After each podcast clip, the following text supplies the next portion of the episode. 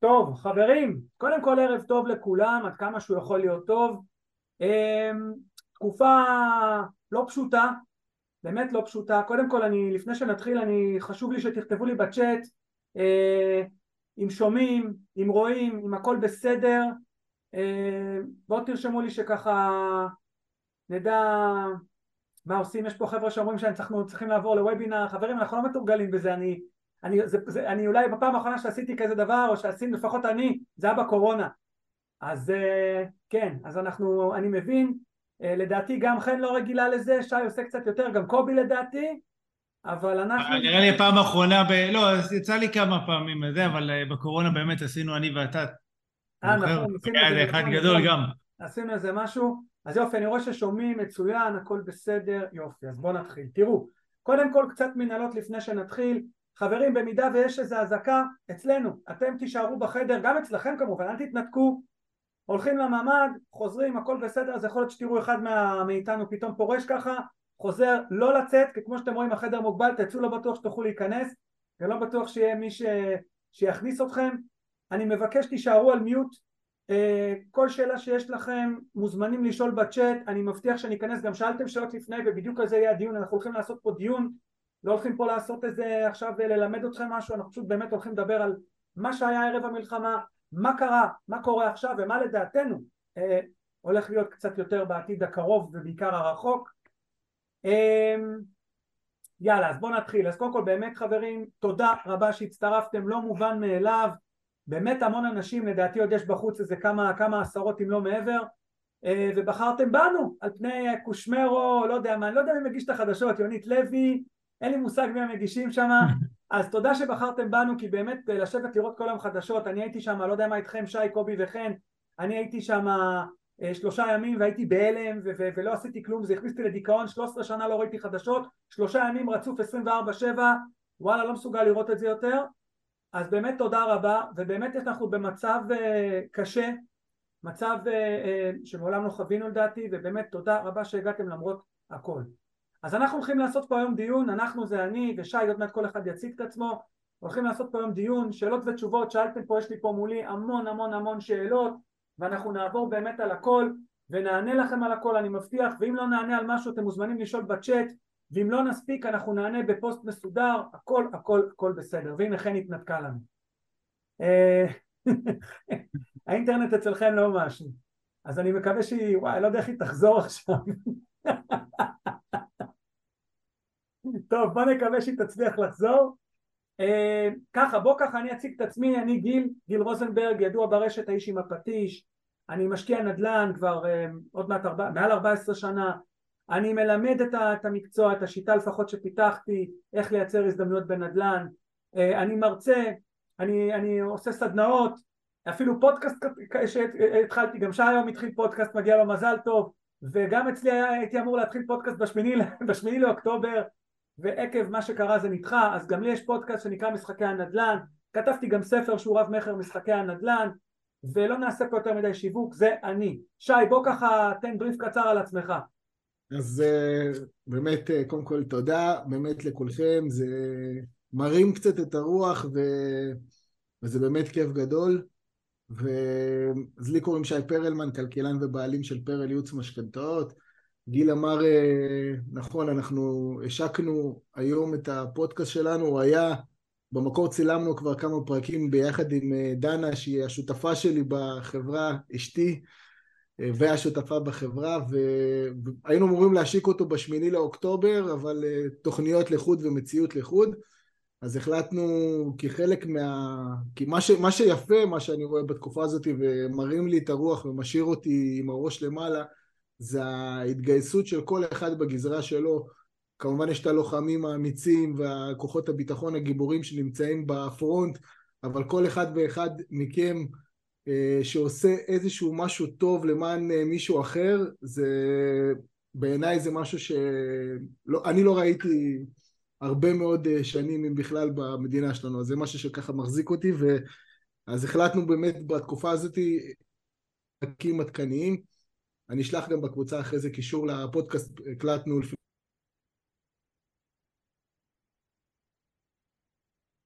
מה קורה לשי? רק שגם הוא לא יצא מפה, בסוף נשאר קובי רק אני ואתה. מישהו לשאול אה, כל דבר שמעניין אתכם, אני, בדיוק היום היה את ההחלטה של הריבית.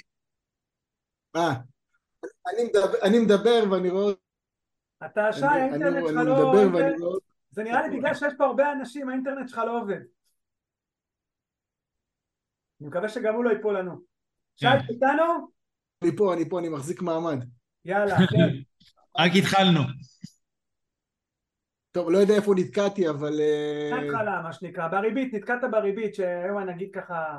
אה, אז אוקיי, אז באמת היום בדיוק הייתה החלטה של הנגיד לא לשנות את הריבית, ואנחנו נדבר על זה גם בשידור, את ההשלכות של זה ומה מה מצפה לכלכלה שלנו. הוא עשה רעיון של איזה 25 דקות אה, עם הרבה מאוד אופטימיות. קדימה. אה, זהו, קובי. רגע, קובי, אתה במיוט. אני פשוט מדי פעם משתיק הנה. את כולם, כי אנשים פה פותחים מיקרופונים, הם לא שמים לב. מעולה, מעולה, מעולה, מעולה, חשוב מאוד. אז קודם כל ערב טוב לכולם. אה, זה באמת מרגש ככה לראות אה, ככה שכולם באמת התפנו שנייה מהחדשות וכל הכותרות האלה שאני איזה 23 שנה לא רואה טלוויזיה, כאילו חדשות, וכמו גיל וכמו כל השותפים שלי כאן אה, לוובינר הזה, למפגש הזה, נדבקתי גם כן לטלוויזיה, וזה... אני מודה שקשה להתנתק, אני מגביל את עצמי לאיזה חצי שעה, שעה ביום, ככה קצת להתעדכן, כי זה באמת שובר את הלב, אבל אה, זה שכולם כאן בערב הזה ככה יושבים ביחד, וזה בעיניי מראה כמה דברים, אחד שבאמת הכוח שלנו הוא בביחד, שתיים, זה שאנשים אה, צמאים כאן לחיים, ו- וזה משהו שהוא בעיניי מדהים, וזה ההבדל הגדול בינינו לבין החילות ששם בעזה. אה, אז למי שלא מכיר, נעים מאוד, לי קוראים קובי זהבי, אני מייסד של השקעה נכונה, אנחנו חברה לליווי השקעות נדל"ן אה, בכמה ערים בישראל, בת ים, חולון, אזור הקריות, קריית אתא, ביאליק, אה, בוטקין ובנהריה, יש לנו פעילות גם מעבר לים בפולין, בוורשה ובלודג', אה, עושים הרבה נדל"ן, יש לי, יש לנו שני פודקאסטים, אחד נקרא מדברים נדל"ן, אני גאה להיות הפודקאסט הראשון על נדל"ן בישראל, התחלתי ב-2019 ויש לי עוד פודקאסט עם השותפה שלי שהיא גם אשתי הדר, אה, שנקרא? נדל"ן משפחתי, היא עכשיו אה, זמן איכות עם הבנות, אה, צריכים גם, אה, איך אומרים, לפצל את האנרגיה. אה, זהו, אנחנו עושים נדל"ן, נושמים נדל"ן, אוהבים נדל"ן, ובאמת באנו כאן לתת ערך, אז אה, מי שלא מכיר מוזמן לחפש כל אה, אינסטגרם, פייסבוק, גוגל, יש הרבה הרבה הרבה תוכן, ערך, ידע, מוזמנים לצפות, להקשיב, יוטיוב. אה, טוב, תראו, חן כנראה, חן כנראה לא תהיה איתנו, אני לא יודע מה לעשות. היא, כן, נבלעה בין כל ה... היא לא תהיה איתנו כי היא לא מצליחה להיכנס לחדר כי זה מוגבל ואני אני, אני לא, לא יכול לעשות פה יותר כן. מדי. בסדר, עוד אה, כמה דקות יהיו פחות אה, אנשים בחדר המתנה וננסה להכניס אותם. אה, כן, אין מה לעשות. תמשיך, אני כותב לה פשוט תמשיכי לנסות. אה, ככה, אה, קודם כל אני אעשה סקירה קטנה מה היה לנו ערב, ערב, ערב המלחמה, אני, קורא, אני רוצה להגיד ערב החג אבל זה לא היה חג. אה, מה קרה בעקבות המלחמה ותכף גם נתחיל לענות, אני אפנה, פה פשוט שאלות ושאלות משפטיות לצערי אה, כנראה שלא לא היו היום מה שנקרא, אני, בא לי להניף כזה שלט סליחה תקלה. אה, ככה, קודם כל ערב המלחמה אה, היינו במצב של הנדל"ן, השוק היה קפוא, כמו שאתם בטח יודעים, אה, הריבית עלתה, נדמה לי שי, תקן אותי אם אני טועה, היו 11 העלאות ריבית, נכון? 11? עשר, עשר. 10, עשר העלאות ריבית, ואנחנו כבר... 10 העלאות ריבית, הריבית עלתה מ-0.1 ל-4.75, הפריים הוא 6.25, שי אם אני טועה במספרים תקן אותי, אה, ובעצם. זה, זה, והמחירים כמובן של הדירות מאוד עלו, מס רכישה גבוה, תכף נדבר על הכל, וכל זה גרם אה, לשוק פשוט לקפול, השוק קפא, אין כמעט עסקאות, זה לא שאנשים כל כך מוכרים, בטח שאין קונים, וזה יצר הזדמנויות, זה יצר הזדמנויות מטורפות, כי בעצם אנשים אה, אה, תמיד חייבים למכור, תמיד אני אומר, תמיד מישהו חייב למכור, וכי יש תמיד אנשים שצריכים כסף, אם זה המשכנתה שמעיקה עליהם, אם זה מתגרשים, אם זה בעיה חס וחלילה רפואית, יש המון המון דברים ואנשים צריכים כסף. ומה שקרה, אה, זה היה ערב המלחמה, פלוס מינוס. מה שקרה במלחמה, אני חושב שהמלחמה הקצינה את זה. זאת אומרת, המלחמה, אם עוד היה איכשהו פה עסקה, שם עסקה, גמרה את הכל, ותכף נדבר על זה גם, המלחמה בעצם עצרה הכל, בטח בשבועיים האחרונים, אין כלום, אין כלום, גם יש מקומות שאי אפשר בכלל אה, לגשת אליהם, בצפון, בדרום, יש מקומות שפשוט אה, אי אפשר לגשת אליהם, וזה קצת בעייתי, וזה מה שקורה בטווח עכשיו, במיידי. בטווח הקצר, בטווח הקצר, אני לא, באף אחד לא באמת נביא, אנחנו לא יודעים מה באמת יהיה, אבל אני כן, ותכף נשאל גם פה את קובי ואת שי, אה, אני כן יודע מה יהיה בטווח הארוך, וזה אני יודע, זו דעתי האישית, זאת לא המלצה, ותמיד אני אומר ב-2040 יש פה צפי לבין 15 ל-17 מיליון איש וזה לא אני אומר, זה אומר הלמ"ס, זה אומר משרד הכלכלה, משרד האוצר, משרד ראש הממשלה, אתם מוזמנים פה לבדוק כי אנחנו פה מתרבים, מה שנקרא like mother fuckers. יש פה ממוצע, מישהו זרק לי, תקנו אותי אם אני טועה שהממוצע היום הוא כבר 3.7 ילדים לאישה. אני חשבתי שיותר 3 אבל מישהו אמר לי 3.7 אז יש פה, אנחנו מתרבים ויש פה עלייה, עולים לפה בין 25 ל-30 אלף איש בשנה. בממוצע ב-2022 עלו לפה 73 אלף איש, שליש שבאים לעקוץ פה את, את משרד הקליטה, לוקחים את הסל קליטה וחוזרים, ועדיין עדיין עדיין אנחנו מתרבים וקורה פה עוד משהו, וזה משהו שיקרה עכשיו בעקבות המלחמה הזאת, והוא ילך ויקצין. אנחנו כמו שאתם יודעים מדינת היהודים היחידה בעולם, אין עוד מדינה שמרכזת בה את היהודים, יש המון יהודים בתפוצות, הם מתחילים להרגיש את הקרקע בוערת וזה משהו שקורה עכשיו במלחמה.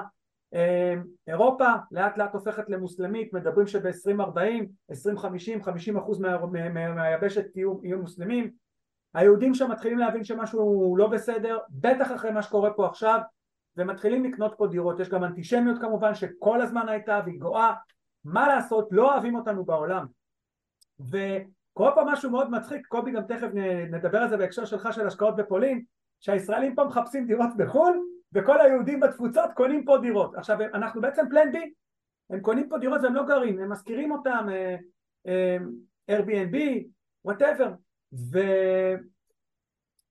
ואני הייתי לפני, באוגוסט אני גרתי במשך חודש, לקחתי Airbnb בעיר ימים בנתניה, כי היה לי שיפוץ בפתח תקווה, בדירה, ובאמת אה, מה שקרה שם היה הזוי, אני הייתי יוצא עם הכלבה שלי בערב, 60-70 אחוז מהבניינים חושך, לא גרים שם, ו... התחלתי לתחקר ולשאול וראיתי שגם בפרויקטים החדשים הכל מכור וזה לקבוצות רכישה של יהודים אמריקאים. זה דברים הזויים מה שקורה פה הם קונים דירות. עכשיו השאלה אם מייצרים מספיק דירות. אז התשובה היא כמובן לא אנחנו לא מייצרים פה דירות יש פה ביקושים של 70 אלף בערך לשנה ובהיצע אנחנו פלוס מינוס ב-50-55 אם זה התחלת בנייה אם זה ותכף נדבר גם מה קורה להתחלות בנייה עכשיו אם זה התחלות בנייה ואם זה דירות שנמסרות ויש פה בעיה ואנחנו בפיגור וכבר עכשיו יצא דוח לא מזמן של מבקר המדינה שהוא גורם אה, מה שנקרא ניטרלי לחלוטין שטוען שיש היום מחסור במאה של 189 אלף דירות וזה מחסור אדיר והרבה אנשים שואלים רגע איך מחסור? אנחנו לא, לא רואים אנשים ברחובות. וזה נכון ואנחנו כן רואים אנשים גרים עם ההורים עד מאוחר ואנחנו כן רואים אנשים גרים ביחידות דיור ובטח שאנחנו רואים אנשים גרים כמו סרדינים בתל אביב, גבעתיים, רמת גן, אני מכיר את זה טוב, בדירות מחולקות, וזה בדיוק מצוקת דיור. אז יש פה בעיה, ואנחנו בפיגור וחסרים פה דירות, וכדי לספק את צורכי הדיור לישראל 2040, וזה לא אני אומר, זה משרד ראש הממשלה אומר, צריכים להיבנות פה מיליון וחצי דירות, שזה בערך 1,800 שכונות, ובקצב שיש היום, ותכף גם קובי ושי ייגעו במה קורה עכשיו בגלל המלחמה, על אחת כמה וכמה זה לא עומד לקרות, אנחנו בבעיה מאוד מאוד רצינית ובקיצור הולך להיות פה שמח ואם אתם חושבים שיש היום פקקים תחשבו מה יהיה ב-2040 כי תמיד אני מסתכל על הפקקים כמו על הנדל"ן כי יש פה, מביאים לפה הרבה מכוניות ולא מייצרים כבישים. אין פה גם אינטרס לאף אחד, המדינה לא באמת רוצה להוריד את המחירים הבנקים לא רוצים, לא יודעים אם אתם יודעים 25% מרווחי המדינה ממיסוי זה מנדל"ן 38% מרווחי הבנקים זה מנדל"ן, אגב בנק מזרחי זה אפילו כמעט נושק ל-50% אף אחד לא באמת רוצה, רוצה את זה, הרשויות המקומיות לא רוצות את זה, כי מה שהרשויות המקומיות אומרות הן אנחנו בארנונה של מגורים היא ארנונה הפסדית, אנחנו רוצים נדל"ן מסחרי, ומה שקורה שבעצם הם מפילים את כל נושא הגנים, בתי ספר וכל התשתיות על היזמים, שהיזמים מפילים את זה עלינו, הרוכשים, וזה מה שמעלה פה את ערך הדירות, ובקיצור זה רק ילך ויעלה. זאת אומרת אם מסתכלים היום 20-40, מה שעולה היום X יעלה יותר. כמה? לא יודע. אמ, בוא נתחיל ככה קצת עם שאלות קובי ושי, שוב אני מתנצל שחן אה, נפלה לנו פה, נפלה בין הכיסאות. היא בדיוק התקשרה ו... אין, אין לי מה, אני לא יכול פה להעיף סתם אנשים, יש פה איזה 50 מי שרוצים להיכנס. כן, למרות שיש 98 אז אולי... אה, לא, אני, אני רואה 100 אגב, אני רואה 100. כן. אז, אז אה, בוא נתחיל ככה, שי, תן לנו איזה סקירה קטנה על ה... בקטע המימוני כמובן, גם הריבית, איפה זה עומד היום, ותכף קובי ייתן קצת סקירה קטנה מה, מה קורה מבחינת התחלות בנייה, וגם, ואז נעבור לשאלות, כי זה חשוב לי קודם הסקירה הקטנה. אז, אז אחרי השבת הארורה בשביעי לעשירי, ראינו מיד אה, בתחילת השבוע קפיצה בריביות, שזה לא משהו שהוא הפתעה, כל פעם שיש איזשהו משבר, גם בקורונה זה היה מצב כזה, השוק אה, נכנס לאיזשהו הלם, והבנקים אה, בשלב הראשון, בהלם הראשוני, אה, מנסים לשמור על עצמם, ואז כמה ימים אחרי זה, זה התחיל להשתחרר, במיוחד אחרי ה-15 לעשירי, שהיה פרסום של מדד המחירים לצרכן, שזה אינפלציה, שהייתה שם הפתעה לטובה, אה, היה צריך לעלות ב-0.3 וירד ב-0.1 וגם כל המצב של המלחמה היה כבר איזשהו, אה, איזשהו אה, ציפייה שהנגיד יוריד את הריבית בחדות כדי להזרים את המשק, כדי לחזק את המשק מהפן הכלכלי. היו כאלה שצפו שהריבית תרד ב-0.75 אה, ואז אה, אה, כמה ימים אחרי זה התראיין המשנה של הנגיד ואמר חבר'ה כל החזאים תירגעו יש פה עוד דברים שיכולים להשפיע לרעה על הכלכלה. שהיום הנגיד ממש דיבר על זה על העניין של הפיחות של השקל שהדולר מתייקר ואז הוא בעצם אומר שהסיבה העיקרית שהריבית לא ירדה היום ונשארה כפי שהיא זה ש... הם רוצים בעצם לשמור על, ה, על השקל אה, חזק אה, כדי שזה לא יגרום לאינפלציה בנוסף לכל הבלגן אה, שיש לנו מעבר לזה להשתולל. אבל, אבל שמה היה רעיון היום אחרי ההכרזה, הוא דיבר על זה שישראל יש לה כלכלה מאוד חזקה ויציבה למרות פרסומים כאלה ואחרים, האבטלה שלנו היא בין הנמוכות במונחים כלכליים אנחנו נמצאים בתעסוקה מלאה, האבטלה היא באזור ה-3.6 אחוז אה, וגם האינפלציה אצלנו, עליית המחירים ביחס לעולם היא יחסית אה, נמוכה. אה, הוא דיבר על זה שיש שיתוף פעולה עם הממשלה והאוצר למרות כל הפרסומים וגם אם יהיה איזשהו נקודת קיצון הבנקים יציבים ומאוד חזקים והיה די, די אופטימיות ברעיון שלו כלפי העתיד. עוד מעט שנדבר קצת על התחזיות קדימה של הריבית והאינפלציה, אז אני גם אה, אשתף איתכם אה, אה, שקף שפרסמו חטיבת המחקר. בגדול מבחינת הקדימה יש אופטימיות למרות כל המצב. אז, אה, אז זה ככה סקירה קצרה על אה, מה ש... שי, מה לדעתך, יש לי שאלה קטנה, גם שואלים את זה פה, מה לדעתך יקרה עכשיו באינפלציה? אה, כי מדברים, אתה יודע, תקופת מלחמה, הכל ככה אה, יורד, אה, אה, אנשים לא קונים, אין צריכה, מה לדעתך יקרה ומה יכול לקרות ב... עם, עם, אוי, מה קרה פה? לא, הכל בסדר, אני שיתפתי, שיתפתי את המסך, אני לא יודע מה... רואים את המסך? כן. כן? כן, אני מנסה להכניס את חן כל הזמן. לא, היא בפנים, היא בפנים. אז שי, תעשה את חן, תעשה את חן שתופיע בקצרה, שאלת לגבי אינפלציה, אז חטיבת המחקר של בנק ישראל פרסמה את זה ממש עכשיו, אתם מקבלים את זה חם מהתנור. ב-2022, אפרופו אבטלה, תראו, האבטלה אפילו נמוכה יותר, אה, אה, והציפייה שהיא תהיה נמוכה יותר.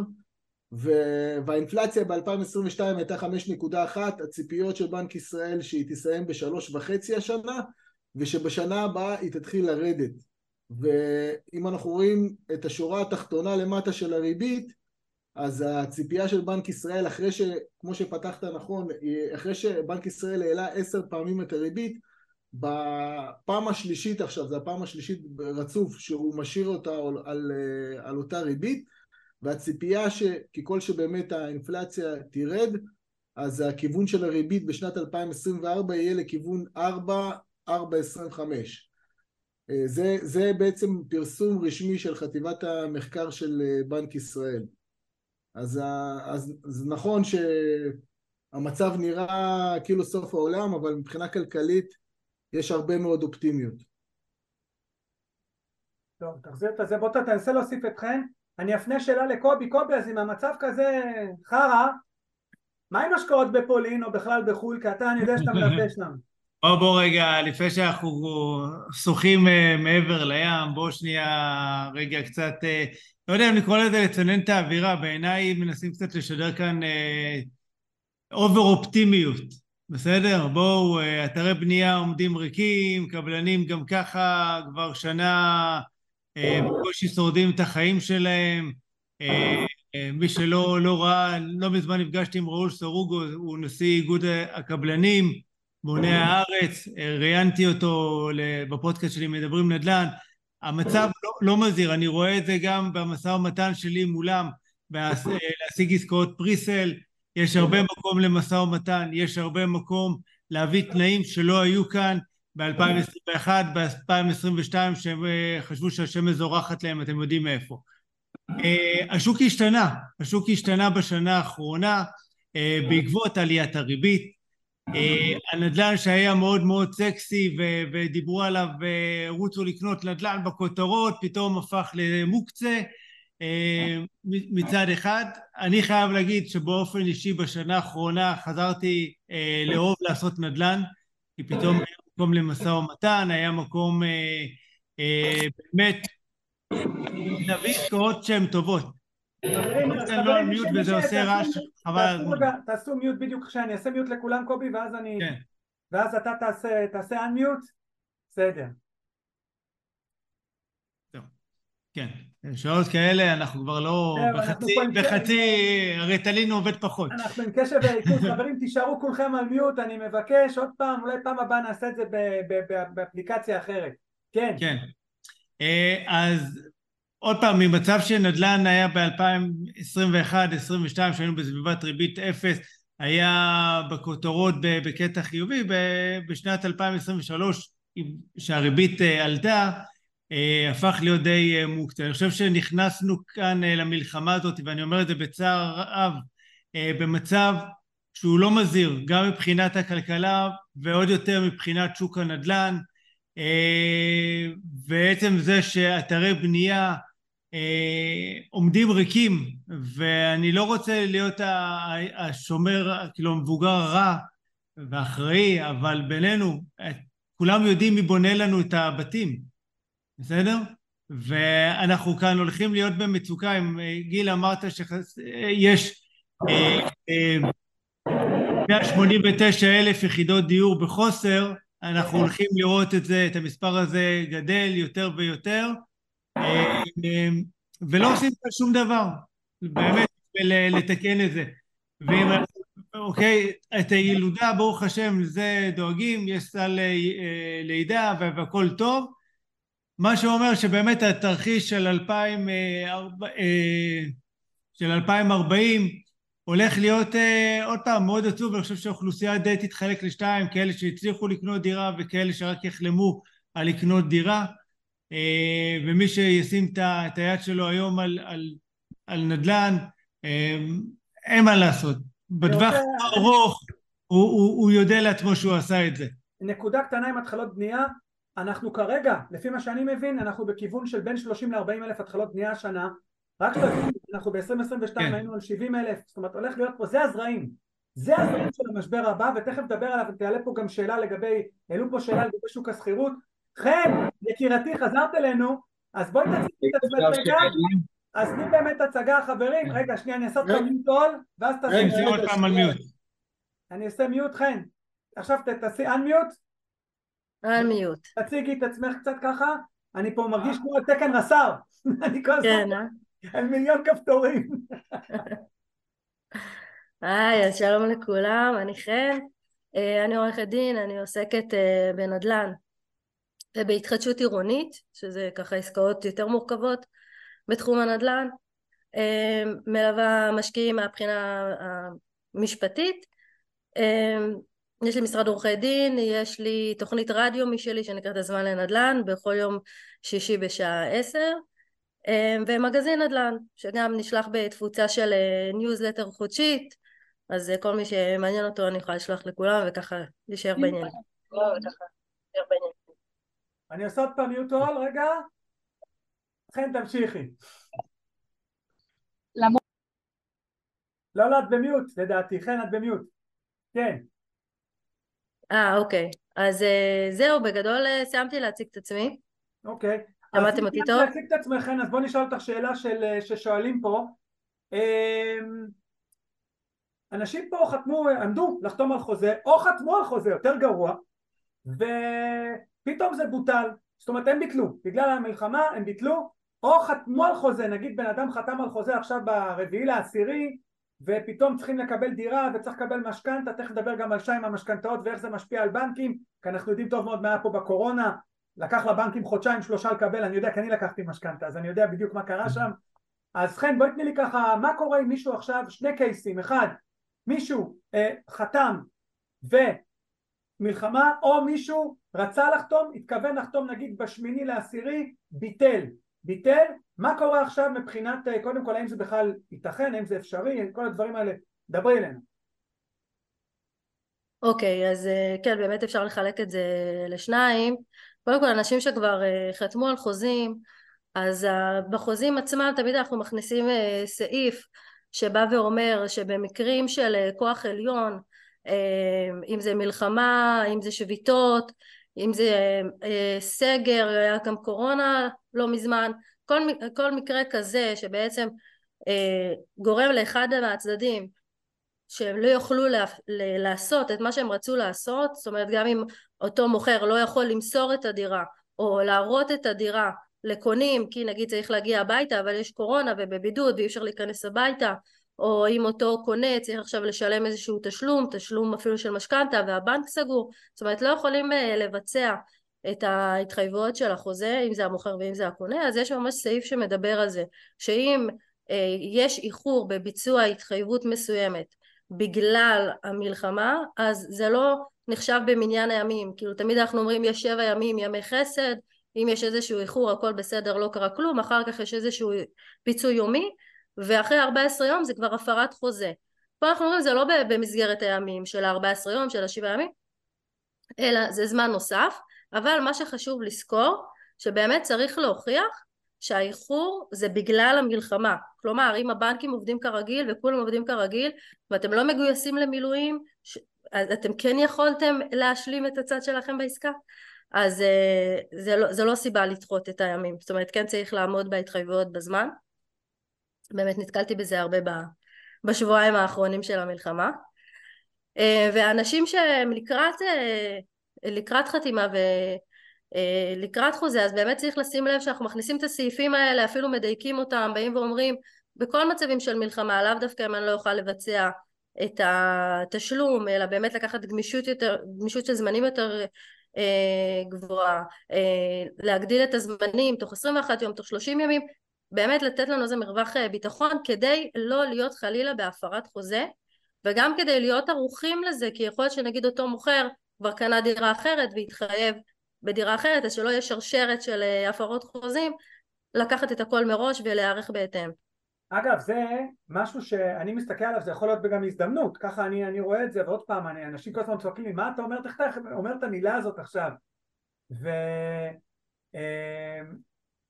אמ, כאילו אומר שבן אדם שתחשבו רגע מה קורה לבן אדם בראש שקנה דירה צריך להעביר כסף כבר אמור לחתום בשמיני לעשירי נגיד ופתאום זה לא קורה וזה חוקי לחלוטין זאת אומרת אין פה איזה מבחינתי לפחות אין הפרה קורה משהו וזה קרה ו... תחשבו את הלחץ של אותו בן אדם, הדירה שלו חוזרת לשוק, הוא בראש שלו כבר שחרר אותה, חברים זאת הזדמנות.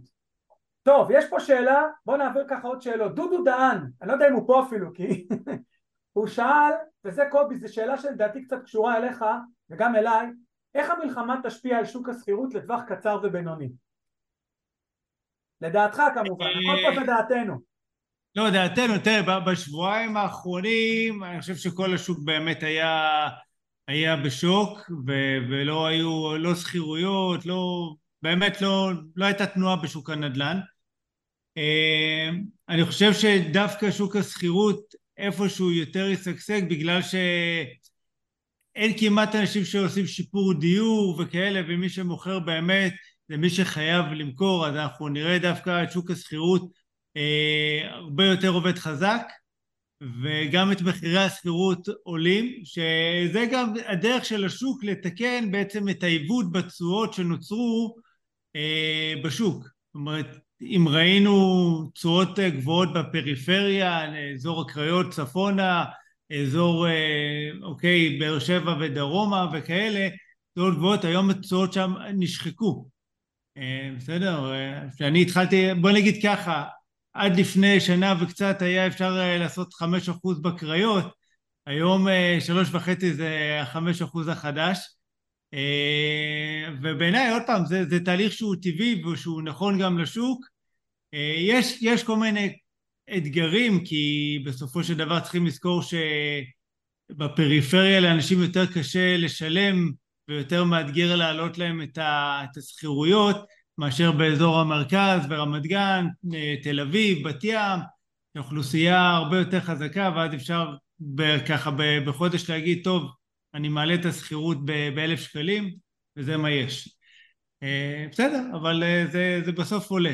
עולה, אני, אנחנו... אני אוסיף שלדעתי אה, יהיה לחץ בשכירות באזור המרכז, כי מה לעשות, זה אזור שכרגע לפחות הכי פחות נפגע, מה שיגרום לדעתי לעליית מחירים, תוסיפו את זה שבאמת ההיצע פה הולך ו- ו- ופשוט יורד, כן. אין פה מה לעשות, ויהיה פה לחץ לשכירויות, אנשים צריכים לגור איפשהו מה יקרה בדרום ובצפון, אם מסתכלים על הטווח הקצר, כרגע, אני לא יודע, תכף גם יש פה שאלה לחן בנושא הזה, אבל uh, בטווח הארוך בוודאות השכירות ימשיכו לעלות עד לאן, אנחנו לא יודעים. שי, לא- שאלה, שאלה אליך, אני חושב שאליך שי, אני ככה מנסה, אני ככה מנסה לנווט את השאלות, כל שאלה אם יש לכן או לקובי משהו להוסיף ככה בכיף. שירן טוויטו שואל או שואלת, אני לא יודע, רכשתי דירה שרשומה בחברה משכנת. תסבירו להם מה זה חברה משכנת או שאנחנו נסביר, או שכן תסביר. החברה המשכנת נמצאת בשדרות, והם לא יכולים ממנו, אני זקוקה להם כי אני צריכה לחתום על הביטחונות שלי למשכנתה, אם הם לא יחתמו אני אהיה בהפרת חוזה. מה עושים בכזה נושא, במיוחד מבחינת הבנקים, האם הבנקים מתחשבים בזה?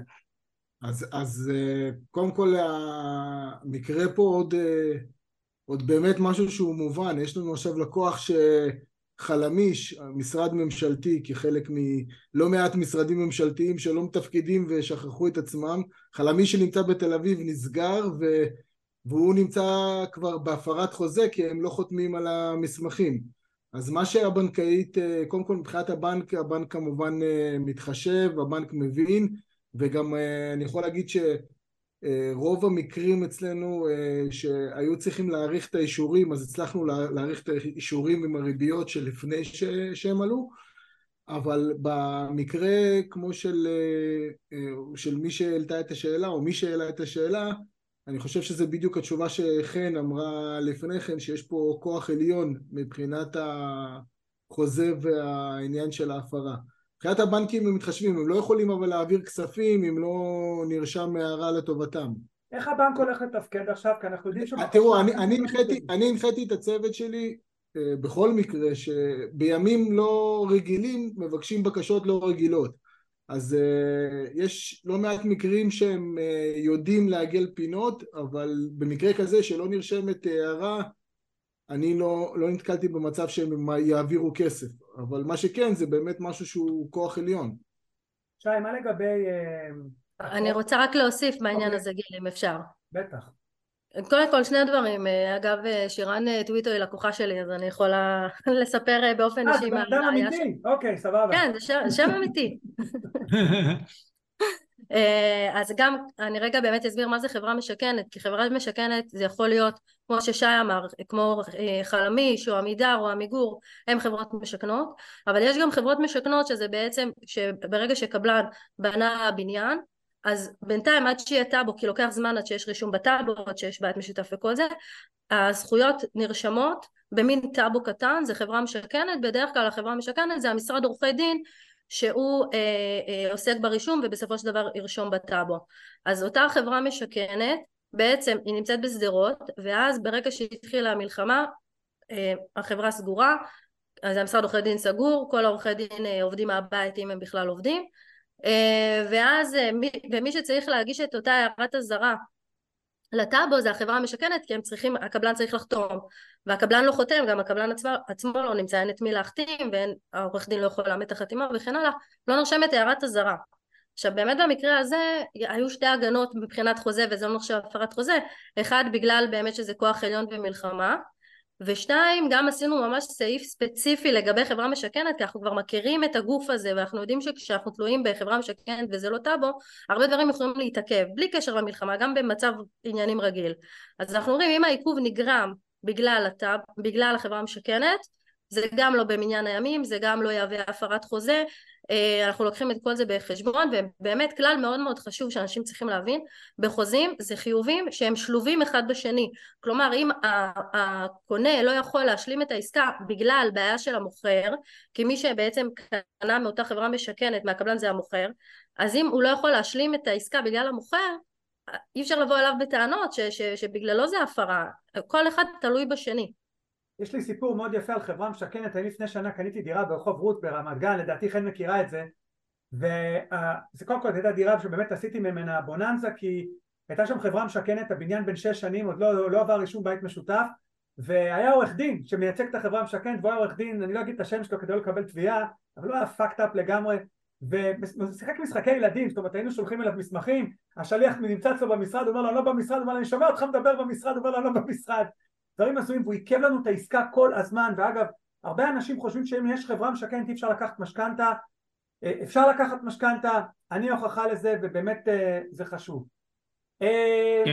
אנחנו בקריית אתא דרך אגב יש מלא מלא אזורים שלמים של חברה משכנת שנקראת עולה חדש נכון נכון כן זה המון עסקאות זה גם יש שם בעיה לקחת משכנתה נכון קובי?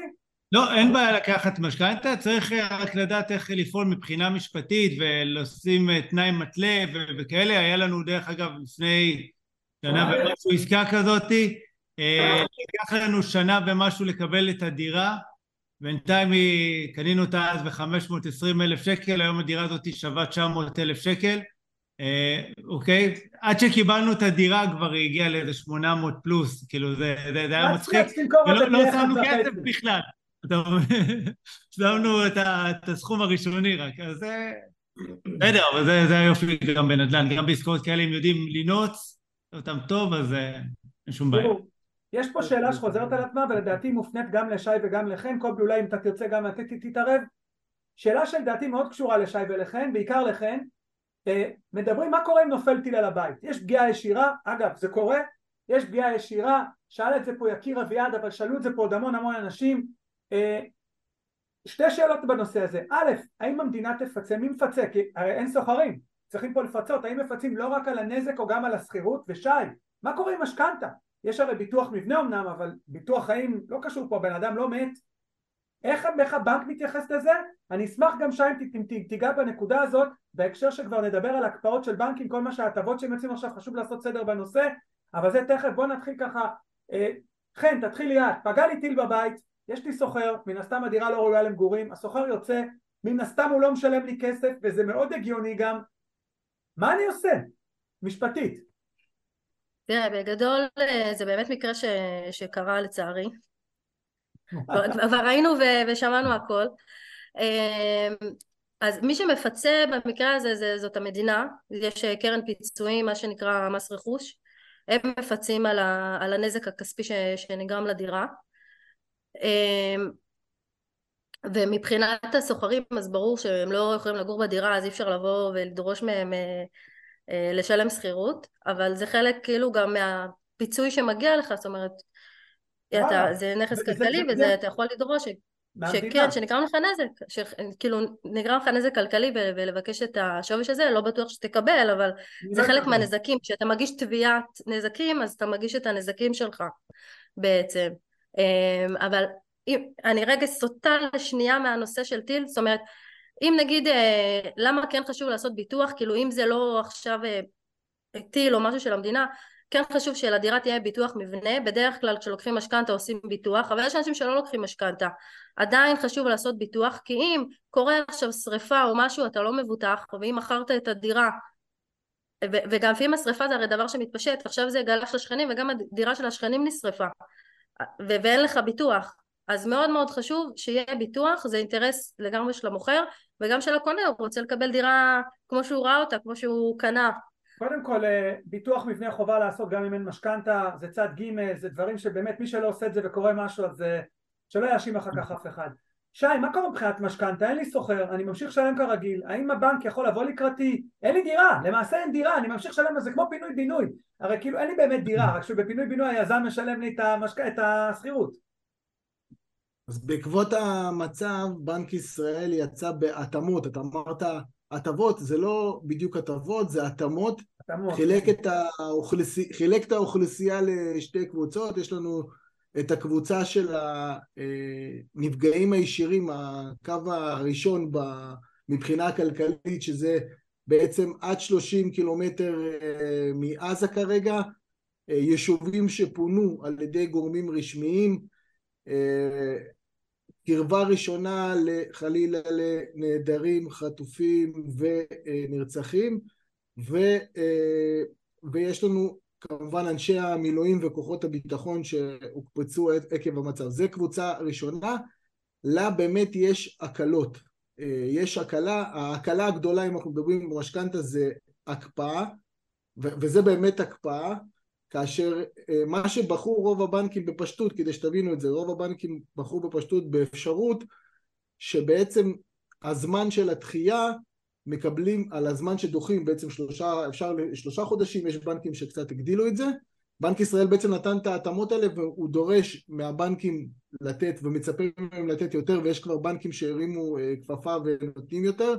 אני מקווה שבאמת אה, ייכנסו יותר לאלונקה. תתמקד בבנק שנותן... הפועלים, שי, מה עשו בנק הפועלים עכשיו? כי אני לא הצלחתי להבין את הקטע של המשכנתה עליהם. מה זה המשכנתה עליהם? קודם כל מי, ש... מי שהתחיל עם זה זה היה בנק מזרחי שהם נתנו חודש אחד אוטומטי, אגב זה משהו אוטומטי שכל מי שיש לו משכנתה אה, בבנק מזרחי חודש ראשון, כל מי שנמצא בטווח של שבע קילומטר, המשכנתה על הבנק, גם הקרן וגם גם הריבית וגם הקרן. בנק הפועלים לקח את זה לשלב הבא, וזה מה שאני מקווה, זה איזושהי תחרות טובה בלהיכנס מתחת לאלונקה. בנק הפועלים לקח את זה שלושה חודשים. אבל בואו, מעד אה, שבע קילומטר, בנק הפועלים אין לה קהל אה, גדול וגם זה לא משכנתאות כאלה גדולות ועדיין זה מבורך. כל דבר רגע שי אם אני גר שבע קילומטר אם יש לי דירה נגיד אני משקיע בשדרות וגר בכלל בפתח תקווה. זה נחשב לי? דירה דירה דירה. הם, אוקיי. הם, הם לא עושים עכשיו סלקציה. כן בוא לא, לא צריך אם, אם מתקשרים לא צריך לנדב להגיד אתה גר ברמת גן ויש לי סוחר אלא יש לי דירה שם הם לא בודקים את זה לעומק. Uh, הבנק השלישי שגם uh, נתן איזשהו אקסטרה זה בנק לאומי ש... נותן את התחייה, את ההקפאה הזאת לחמישה חודשים, וההקפאה הזאת זה בעצם, אתם מקבלים בעצם הלוואה על הזמן שאתם מקפיאים. נגיד סתם לשם דוגמה מספרית, היה לי היום בדיוק אה, לקוח שמשלם 6,700 שקל כל חודש, שלושה חודשים זה 20 אלף שקל. ה-20 אלף שקל האלה בעצם, שלושה חודשים האלה הבנק הוא לא משלם לו שום דבר ונכנס לו ב- לחשבון הלוואה על ה-20 אלף שקל בלי ריבית לתקופה של חמש שנים כאשר בשנה הראשונה הוא לא משלם שום דבר, החל מהשנה הראשונה למשך ארבע שנים הוא משלם את ה-20 אלף שקל האלה בלי ריבית נוספת, יוצא תוספת למקרה, לדוגמה הספציפית הזאת, תוספת של עוד 420 שקלים אה, כל חודש להחזר החודשי. אה, עכשיו, זה כמו שאמרתי הקלה, זה לא הטבה, אה, ברמת העיקרון מי שאני ממליץ היום כן לקחת, ואני מדבר כרגע על הקבוצה הראשונה, חברים תשימו לב, יש את הקבוצה הראשונה, תכף אני בקצרה אגע בקבוצה של שאר אזרחי הארץ. אז הקבוצה הראשונה, מי שנמצא במצב שהוא על הקצה, אין לו חשבון חירום, קרן חירום, שזה כסף לבן לימים שחורים, אני מדבר על זה המון, גם כתבתי על זה בספר שלי, על העניין הזה שחייב שיהיה כסף בצד לכל מי שמשקיע וגם גם לא מי שמשקיע, ומי שאין לו את החשבון הזה, זו הזדמנות באמת טובה לייצר את החשבון הזה, את הכסף הזה בצד, אנחנו לא יודעים כמה זמן זה יימשך, אה, ולכן חשוב שיהיה לנו אה, מספיק אה, בצד לכל מקרה שלא יקרה.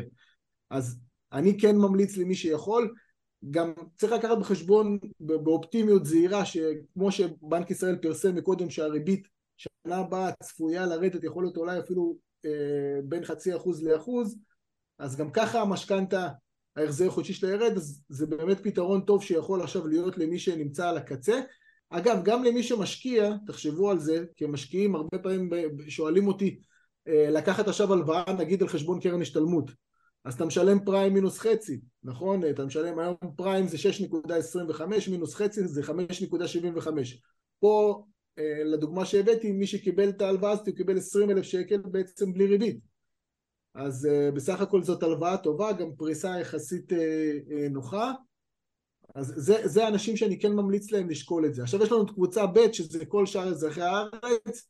כרגע זה בדיוק כמו שהיה בקורונה לא מומלץ אם לא חייבים. כמובן שאם מגיעים למצב שחלילה הולך לחזור משהו ולא הולכים לשלם את המשכנתה אז לקחת את ההקפאה כי מי שיחזור למשכנתה אחר כך ייפגע לו הדירוג אשראי שלו הקרדיט סקור שלו אז אה, רק אם אנחנו מרגישים באמת שאנחנו חייבים וההכנסות שלנו ירדו כי אנחנו עצמאים ולא עובדים עכשיו היה לי כאלה כאלה אה, לקוחות שפנו אליי עכשיו אבל מי שכן יכול עדיף אה, לא לקחת את. ההטבה הזאת, כי זה לא באמת הטבה לשאר, אה, לשאר הארץ.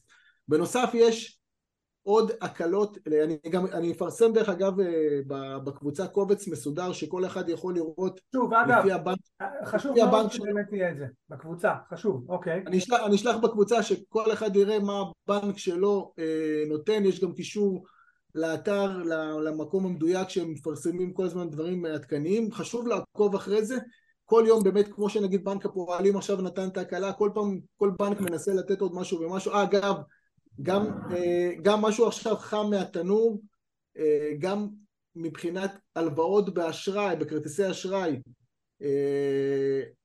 גם נכנס לתוך ההקלה הזאת שאפשר לדחות שלושה חודשים הכל בהתאם לקבוצה א' קבוצה ב' אה, וכל הזמן יש עדכונים אז חשוב מאוד אה, לעקוב אחרי, אחרי הדבר הזה. קודם כל יש פה קבוצה שלצערי חלקם לא הצליחו להיכנס אולי חשוב שבאמת תיתן את העדכונים האלה גם בקבוצה גם עוד פעם זה יהיה מוקלט אנחנו עקב המצב ועקב מה שקרה פה. תראו יש פה שאלה מאוד מעניינת לדעתי לכולם. ואני אשאל דווקא את קובי כי זה קרה לי. אני יכול לספר על מקרה שקרה לי וזו שאלה מאוד מאוד גנרית. קובי יש לך סוחר בדירה. אני אתן לך שני סנאריים כן. אחד הוא בצו שמונה. זאת אומרת הוא לא בדירה הדירה ריקה. והוא בא ואומר לך קובי תקשיב אני לא בדירה. למה שאני אשלם שכירות? רגע. שאלה שנייה וזה מקרה שקרה לי ואני תכף אגיד לכם מה אני עשיתי. סוחר שלי בצו שמונה זה זוג סוחרים אה, חברה שלו לא תגור לבד היא חזרה להורים שלה אה, בצפון לא שזה כזה בטוח אבל חזרה להורים שלה בצפון והוא שאל אותי אם אני, הוא יכול להכניס, להכניס בדירה במקומם זוג מהדרום לתקופה הזאת אז קובי, שני, שני הסצנריום נתחיל איתך, תן לי ככה, איך אתה היית אה, מתנהג? אגב, אמיתי, גם אם זה נשמע חרא לא כן. ואני אגיד לך איך אני הייתי מתנהג. תראה, זו שאלה, קודם כל דיברנו על זה גם אה, לפני כמה ימים, כן. זו שאלה שהיא טריקית, כי מצד אחד, אם יש לנו את האפשרות אה, לפתוח את הכיס ולעזור, אז בסדר, אין מה לעשות, אה, זאת אומרת, הבן אדם, הסוחר שלנו בצו שמונה, אני חושב שזה אולי המעט שאנחנו יכולים לעזור, להגיד לו, תפאדל, אה, אוקיי, חודש שכירות אה, בכיף אנחנו סופגים, בסדר? נראה את זה כסוג של אה, תרומה. יחד עם זאת צריכים גם לזכור שלא כל מי שהשקיע בנדל"ן יכול לספוג עכשיו את החודש שכירות הזה. את המשכנתה, יודע מה לעשות? הבנק לא עושה לי טובה, הבנק לא אומר לי, אה... נכון, נכון, נכון.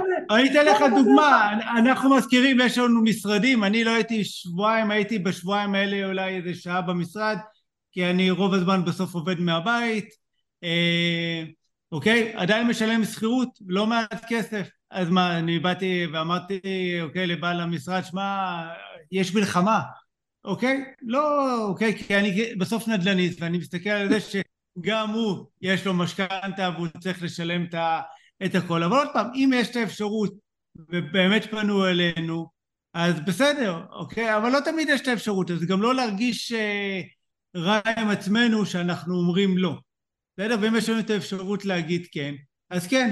אה, זו דעתי האישית, אין כאן אה, תשובה שהיא חד משמעית. אז אני אמרתי לסוחר שלי לא, כי יש פה, גם התייעצתי עם חן על זה, חן יודעת, אה, יש פה השלכות משפטיות לסיפור הזה, מה קורה אם אותו זוג מהדרום הורס לי את הדירה, סתם, הרסת, לא בכוונה. לא, זה כבר, זה על השאלה השנייה שלך. זהו, מה, מה עושים? אז כאילו, אני פה אשמח דווקא אם חן תיתן תכף את העניין שלה, כי אתה יודע, זה באמת מצב שלא היינו בו מעולם, וזה סיטואציות שאנחנו, הן הזויות, הן כבר מציאותיות היום, אבל הן בראש שלנו הזויות, שסוחר בא ומבקש, אני יכול להכניס במקומי לחודש חודשיים זוג, ואתה אומר לעצמך, בואנה זה הדירה שלי, אני לא יודע מי זה הזוג הזה, אני צריך להחתים אותם, לא צריך, מה קורה אם קורה משהו דווקא בזמן שהם נמצאים, נגיד הם עוזבים והלך המזגן, מי מטפל בזה? מה mm. עושים? אה, זה בדיוק כמו סעיף אה, של חוזה שכירות, סליחה שאני נכנס לך, אה, שאנחנו תמיד מכניסים שאין אפשרות להשכיר את צד ג', זאת אומרת שלא יעשו נכון. עלינו שכירות משנה. בדיוק. אוקיי? מכאן לכן תמשיכי, יקירה. כן, האמת שזה בדיוק מה שאמרתם. קודם כל, אין חובה להסכים. זאת אומרת, זה בסדר ומותר לך להגיד לא, אני לא מסכים, אתה מחויב לי, גם אם אתה לא נמצא בבית מכל סיבה, אתה צריך לשלם לי שכירות. אם אני רוצה לאפשר לך לא לשלם, זה בסדר, זה כן, מתוך רצון, לא מתוך חובה. אוקיי? זה בסדר שאתה אומר לא. עכשיו, אם הוא רוצה להביא מישהו משנה, אז בעצם צריך לעשות עם אותו סוחר משנה אה, גם חוזה, זאת אומרת שגם אותו סוחר משנה יהיה מחויב אליך, או שיהיו אה, חיובים אה, גם לסוחר וגם למשכיר, כמו שגיל אומר, אם בסוף עכשיו יש פה נזק, התקלקל המזגן או התקלקל איזה משהו, מי משלם, הסוחר או הסוחר משנה? אז הם צריכים להיות חייבים ביחד ולחוד ש... שבסוף לנו יהיה ממי להיפרע אז כן אם יש אפשרות ורצון לתת לאותם להשכיר לסוחר משנה יופי מבורך אבל צריך גם לדעת איך להתנהל מול אותו סוחר משנה אה, להגן עלינו על הזכויות, על הזכויות שלנו לקחת גם ביטחונות בהתאם זאת אומרת וגם אה, גם אם הסוחר עכשיו לא מתפנה לא מתפנה ולא משלם שכירות מה איזה בטוחה יש לי נכון בסוף גם אני רוצה אה, שהוא יפנה לי את הנכס שאני אוכל להשכיר למישהו אחר. כן. אז צריך לקחת את הביטחונות גם לנזקים, גם לפינוי, להכל. אגב, יש פה מישהו בשם אה, מעיין שהוא עורך דין אני רואה, הוא כותב שיש חוזה חדש של לשכת עורכי הדין שחברת כלל נתנה לו ביטוח, אם תרצו אשלח לכם, אז אני לא יודע בדיוק מה זה, אם אכן את מכירה את זה, אז אין בעיה, את מוזמן פה לשים את זה פה, אם אי אפשר בצ'אט אז מקסימום תשלח לנו במיילים ונשים את זה בקבוצה, נשתף, תשלח לכם, נושא משפטי זה, אני לא יודע... כן, זאת מעיין, חברה. מעולה, מעיין, תשלחי לי, זה יעזור, תודה. אה, זה קריית מעיין, אה, זה בת, כן. אוקיי, אז מעיין. משום מה, ראיתי של גון, כולם פה חברים שלי, זה, כן. אה, אני רואה שגון מצביע, נראה לי יש לו שאלה, גון רשת. גון, אם יש לך שאלה, גון היקר, כמובן. הוא על מדים, בא במיוחד. רגע, צריכים להצדיע לו בכלל, הוא עם מדים. גון, תותח, חי, גון. אני במשמרת, כן. לך אני מרשה לפתוח מיקרופון, יאללה, נו, שאל. כן, תודה, תודה חבר'ה. קודם כל, ממש כל הכבוד לכם על, ה... על היוזמה הזאת, להרים פה את החבר'ה ולתת מהידע שלכם ומה... מה... קודם כל המנהיגות שלכם, לתת uh, לחבר'ה פה שבאמת, ב... אני מוצא את עצמי עם הראש uh, בשבועיים האחרונים בתוך, ה... בתוך התחת, מה שנקרא, מכל הבחינות. Uh, ובאמת החיים חזקים מהכל, life will go on ואין ברירה, אנחנו... זה בדיוק, אגב, זה הניצחון האמיתי, שהכלכלה שלנו דוהרת קדימה, ממשיכים ועושים נדל"ן ולא מוותרים ובונים, בונים, בונים את הארץ הזאת, זה בדיוק מה שהם לא רוצים שיקרה, ושהם רוצים שאנחנו נתפוס את הראש ונתאבל ונהיה רק ב-400 אלף אנשים מילואים. תשמע, אין, אין בן אדם שאני לא מכיר במילואים, זאת אומרת, זה מטורף. אה, רק רציתי להגיד באמת שאנחנו באמת באירוע אה, יוצא דופן, ובאמת כמה שאפשר מבחינה הזאת של לעזור אחד לשני, ערבות הדדית, באמת זה לא קלישאה, ואנחנו רואים את זה יום-יום. אני אישית, אם מישהו היה בא אליי, אז כן הייתי הופך את העולם כדי כן לאפשר לו, מן הסתם, אה, בדרכים אה, הכי משפטיות, שכמובן מגינות גם עליו וגם עליי, אה, כן לעשות את המחוות האלה. אה, אני חושב שזה מאוד חשוב. אה, ואני רציתי רק להעלות עוד אה, זווית אחת על הנושא שאני חושב שלא אמרתם אותה, אולי אמרתם, אבל הייתי בפנים. אה, חבר'ה, אנחנו הולכים פה לאירוע שמשנה לגמרי את יחס החברת מדינת ישראל כלפי אה, הערבים הישראלים והאוכלוסייה הפלסטינאית. אגב, אנחנו עומדים לגעת בזה, בנושא של הפלסטינאים, עומדים לגעת בזה, אנחנו רואים על זה. אני רואה את זה, אני רואה את זה בגן של הילדים שלי, אני רואה את זה עם העובדות, העובדות בניקיון אצלי, בסופרים, במכולת. יש ערים שלמות שלא מוכנות להכניס יותר אוכלוסייה ערבית. מלא קבלנים שאני מדבר איתם לא רוצים יותר לעבוד עם, עם הפועלים הפלסטינאים. חבר'ה, תם עידן. תם עידן, אז זה מה שנקרא, מישהו הזיז את הגבינה שלי, הולכים, הזיז, הזזנו עכשיו את הגבינה לכל עם ישראל, וכפועל יוצא של האירוע הזה של בחינת נדל"ן, כשאני רואה את זה, זה שא' נלמד לבנות יותר טוב ויותר זול ויותר איכותי, אה, אבל אין מה לעשות, מישהו יצטרך לשלם על זה. וזה יהיה עוד איזשהו קטליזטור לזה, לטווח הבינוני ארוך, שבסוף הבנייה תהיה יותר יקרה, וזה בסופו של דבר גם יעלה יותר למשק. אז רגע, אז גון, קודם כל תודה רבה על הדברים, ובאמת בוא ניגע בזה, כי הייתה גם שאלה על זה. אני, למיטב ידיעתי, אני לא בקיא במספרים עד הסוף, יש פלוס מינוס 50 אלף פועלים פלסטינאים. והם לא יעבדו פה יותר, בטח לא בחודשים הקרובים, כמו שגון אמר, זה תם עידן. אני יכול להגיד... אני רוצה להגיד שבשנים הקרובות. אה, אני יכול להגיד לכם ברמת גן... רק עזתים, יש לך עוד מלא ערבים ישראלים, אל תשכח, יש לך גם עוד... לא רק פועלים. לא, לא, אני מדבר כרגע, אני מדבר בהקשר של הנדל"ן, יש פה ערבים ישראלים שקודם כל מפחדים כרגע בכלל לצאת, הם מפחדים להגיע לישראל כי הם מפחדים מלינצ'ים, זה אני לא יודע מה יקרה עם זה, אני כן יודע מה קורה ברמת גן למשל, שכבר אישרו לאתרי הבנייה לפתוח וראש העיר לא מסכים שיפתחו אלא אם כן כל הפועלים לא ערבים. אני יכול להגיד לכם, אני מכיר כמה מקרים, יש סינים, מספיק שיש מנהל עבודה פלסטיני ערבי, לא פותחים, הוא לא מאשר להם לפתוח, הם מפחדים מאוד מאירועי אה, פח"ע וכל הדברים האלה שאני לא ניכנס לזה כי אני לא מבין בזה גדול זה עוד משהו, אין כוח אדם וזה משהו שאם מסתכלים עוד פעם על ההיצע זה משהו שיוריד בטווח הקרוב ובעיקר הרחוק את כל ההיצע פה ויעלה מחירים כי הסינים עולים יותר וזה כמו שמחר מעלים את המע"מ על פירות וירקות מי סופג את זה? אנחנו שמעלים עכשיו מחירים הסינים עולים יותר איפה יספגו את זה? אנחנו הקונים לא המוכרים המוכרים לא כן. יספגו את זה הקבלנים לא יספגו את זה וקובי אם יש לך פה משהו קודם כל גון באמת תודה. אה, קובי יש לך משהו להוסיף על זה לפני שנעבור לנושא לשאלה הבאה לפחות? לא אני חושב שימים יגידו אה, איך המדינה שלנו הולכת להיראות ולהיבנות. שואל פה נאור השאלה אם הסינים לא בונים יותר מהר? אני לא יודע אין לי מושג. אם הם בונים יותר מהר או בונים יותר טוב אני יודע שהם יותר יקרים. זה אני יודע בוודאות. וכרגע הנושא הפלסטיני פה באתרי בנייה ובכלל כמו שגון אמר הוא ירד מהפרק, הוא ירד מהפרק, אני יכול להגיד לכם שבפתח תקווה לא פתחו בתי ספר למרות שיש אישור כי הם רוצים את ההבטחה הזאתי וכן, אה, אה, גון אמר את זה בצורה מפורשת, תם עידן, תם עידן, מה לעשות?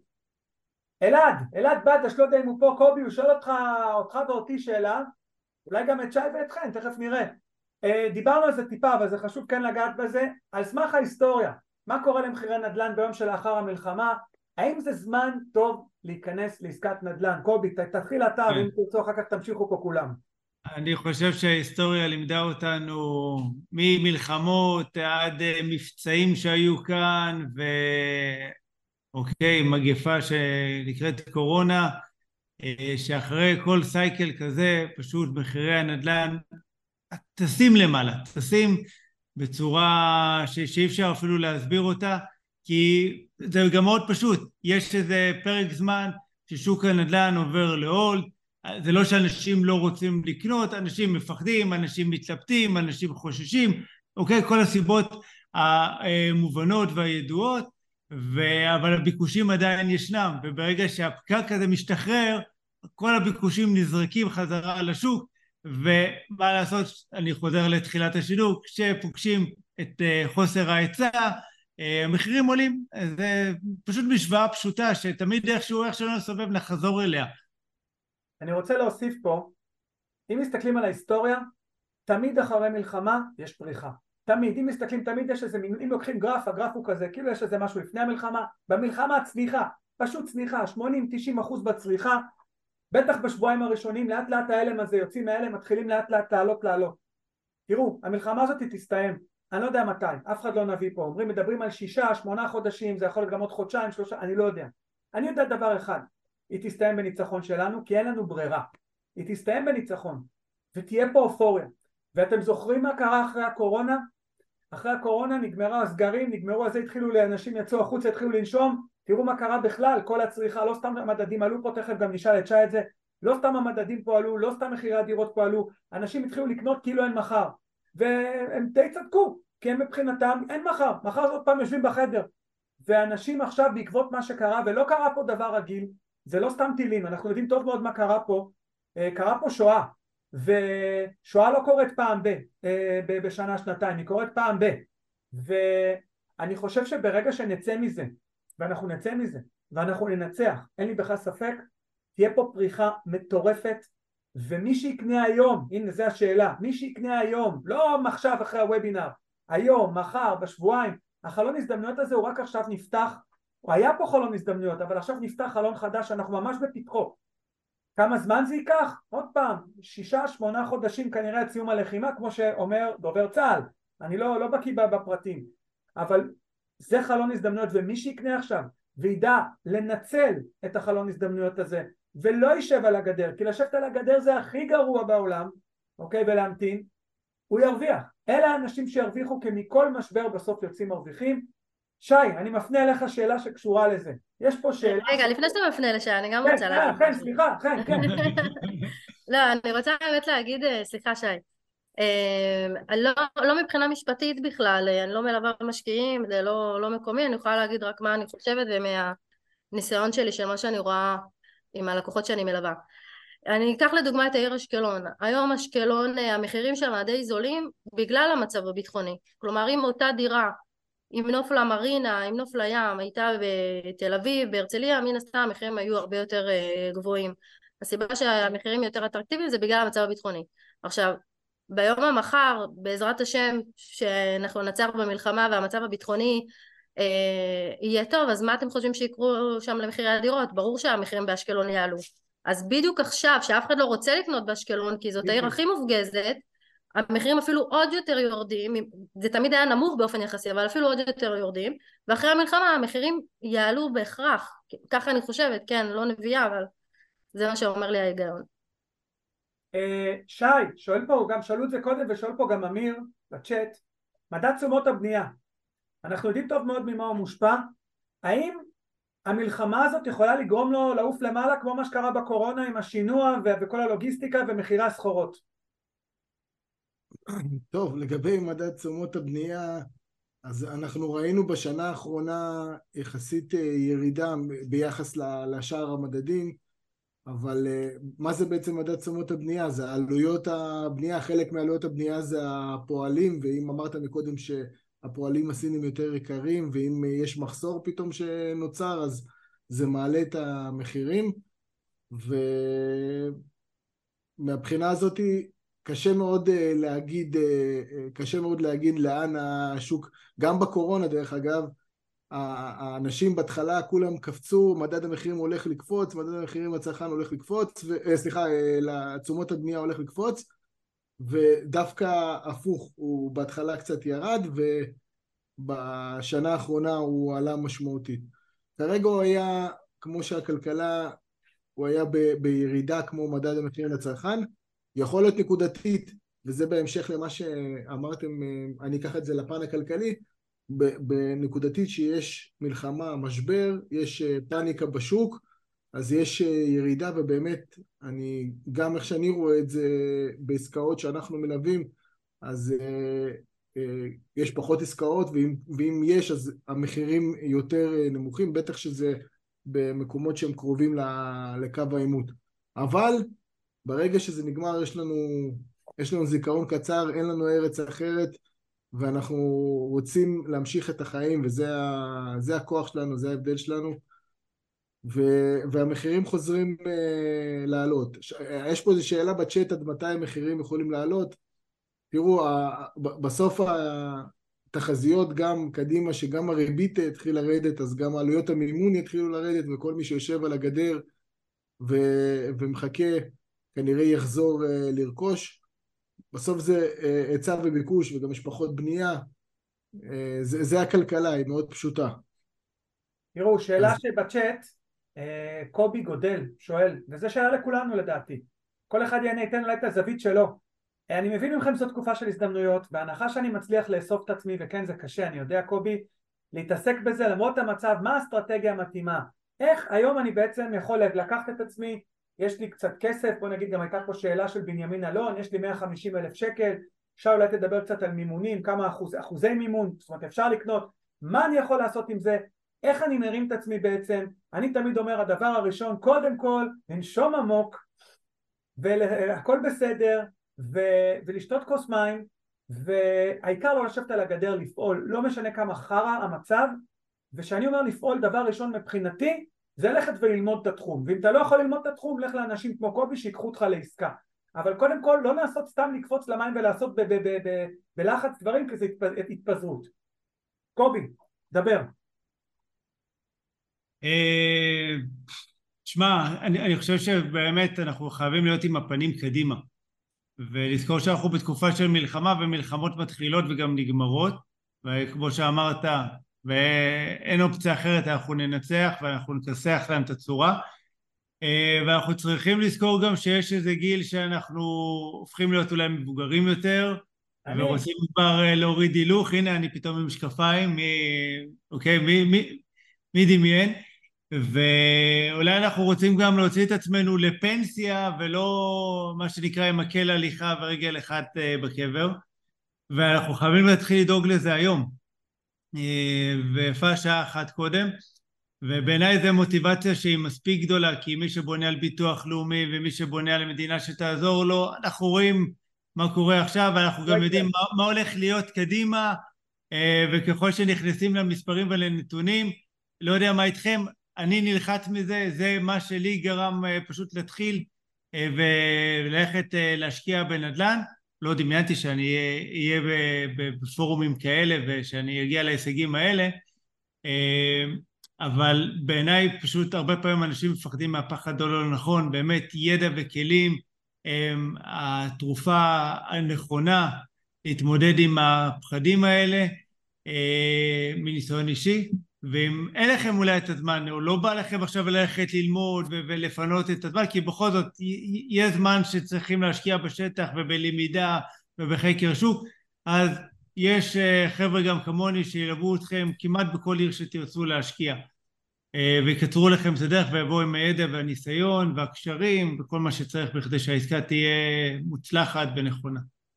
איך אתה, איך, מה אתה ממליץ, איך אתה מתמודד, איך ככה למרות הכל, כי אתה יודע, גם זינה של עסקים, כולנו יש לנו פה עסקים, כולנו כאן גם עצמאים, זה לא רק נדל"ן, איך אנחנו מביאים את עצמנו, ל, ל, איך איך אתה מביא את עצמך עוד פעם לחזור ולעשות, וברור שאין ברירה, צריכים לעשות. אני פשוט uh, מבין שהדבר שהכי נותן לי כוח להרים את הראש ו- ולהיות במצב רוח חזק זה, זה עשייה, ומבחינתי אם כל יום אני מצליח לעזור אפילו לבן אדם אחד, אז קודם כל עזרתי למישהו ו... ועשיתי משהו טוב ועשיתי הרבה טוב לעצמי. אז כל אחד גם שנמצא בבית ויש לו איזה קצת רגשות אשם שהוא לא נמצא בחזית או לא מספיק אה, מכין אוכל או לא מספיק מתנדב אז שיחה אפילו לחבר קרוב למישהו שאתה עושה משהו טוב זה מרים את הרוח. ו... ואני בשבוע האחרון אחרי שבועיים שבוע ראשון שהייתי באבל אה, ובשבוע אחרי זה לקח לי באמת להתאפס על כל מה שקורה ולתפוס פיקוד אז uh, השבוע הזה כבר עשיתי הרבה מאוד פעולות uh, וכל הזמן אני מנסה להעסיק את עצמי בפעולות של עשייה ואני רואה שאני מצליח לעזור לאנשים אחרים זה מרים לי את המצב רוח ברמות וכל אחד יכול לעשות את זה פה. כל אחד בגזרה שלו יכול לעשות זה, אגב זה המנהיגות שלנו מתוך העם.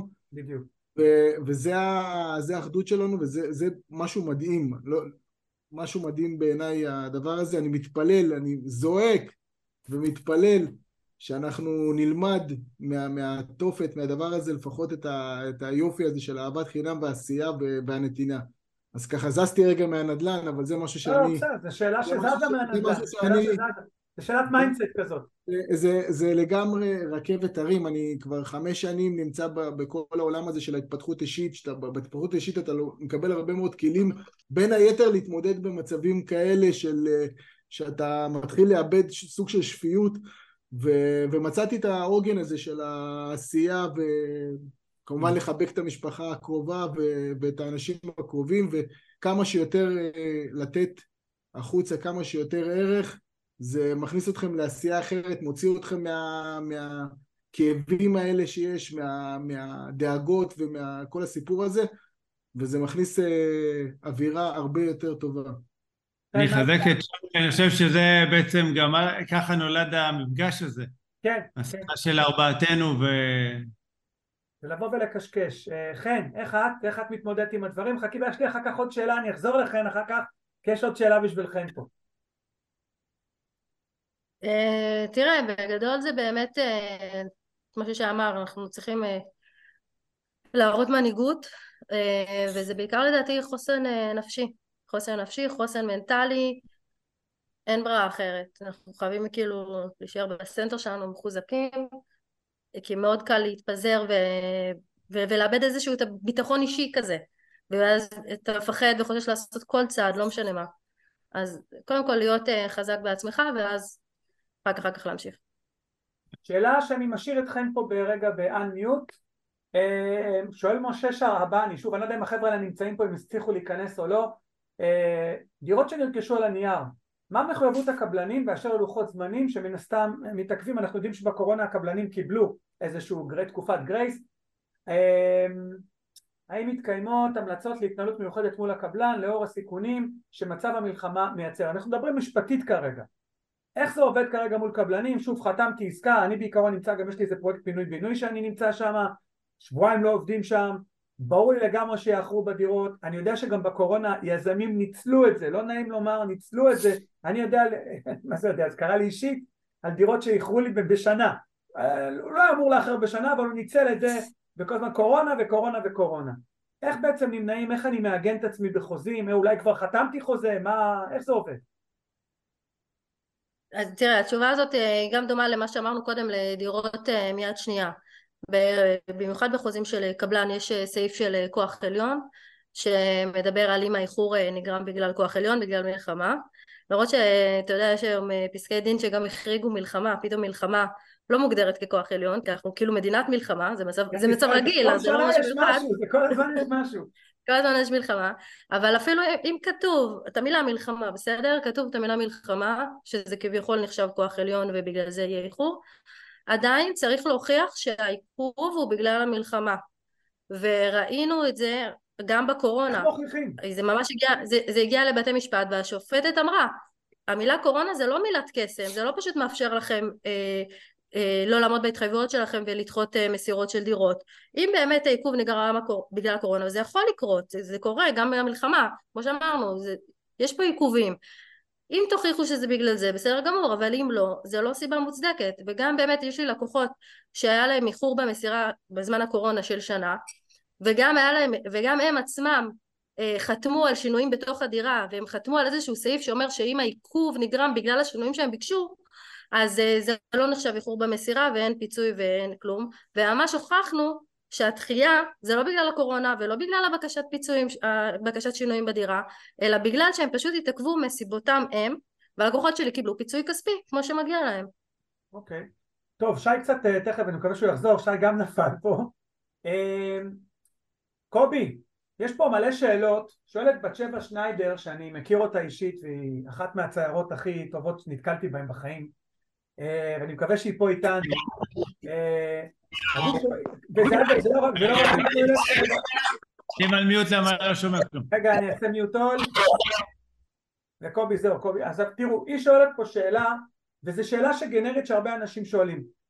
מה, איפה כדאי לקנות עכשיו, או מה הצפי לעליית מחירים נגיד במרכז, מה יקרה עם יישובים שבעוטף או בדרום או בצפון איפה שבאמת אה, יש יותר יותר מרגישים את המלחמה הזאת מה יקרה איתם בטווח הקצר? כמובן אנחנו די יודעים מה יקרה בטווח הארוך קובי כי אתה גם משקיע בקריית אתא, לא שזה כרגע מסוכן אבל הבנתי שם כבר הייתה אזעקה באזור של עכו שם אז אה, אולי אי אפשר לדעת אנחנו מדברים, חן דיברה פה על אשקלון, כל נושא העוטף, יש פה, היא שואלת בעצם האם אנשים, וזה דיברנו על זה בהתחלה, יעברו משם לאזורים אחרים ובעצם יגרמו לביקוש אובר, ביקוש יתר באזורים האלה תן ככה קובי את השני שקל שלך על הנושא הזה. כן. תראו, זה שאלת המיליון דולר איפה להשקיע. אני חושב שאחד, אנחנו צריכים תמיד אה, לזכור אה, ולדייק את המטרה שלנו בכלל. אם אנחנו נכנסים לעסקת אקזיט אה, שהיא קצרה, או שזו עסקה שהיא קצת עם יותר סבלנות, או נדל"ן מניב כחלק מהפורטפוליו שלנו. מה יהיה ביישובי הצפון, אוקיי, או יישובי עוטף עזה, אני חושב השאלה כאן, התשובה טמונה בתוצאה של המלחמה הזאת, זאת אומרת אם באמת אה, נצליח להשיג את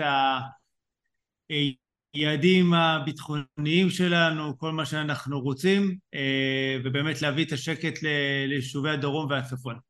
אה, ללא ספק אנחנו נראה את, בעיניי את אזור הקריות, האזורים הצפוניים אבל שמרוחקים יותר מהגבול, כן מתחזקים, כי בסוף אה, אנשים רוצים לעבור לגור איפה שיש יותר שקט.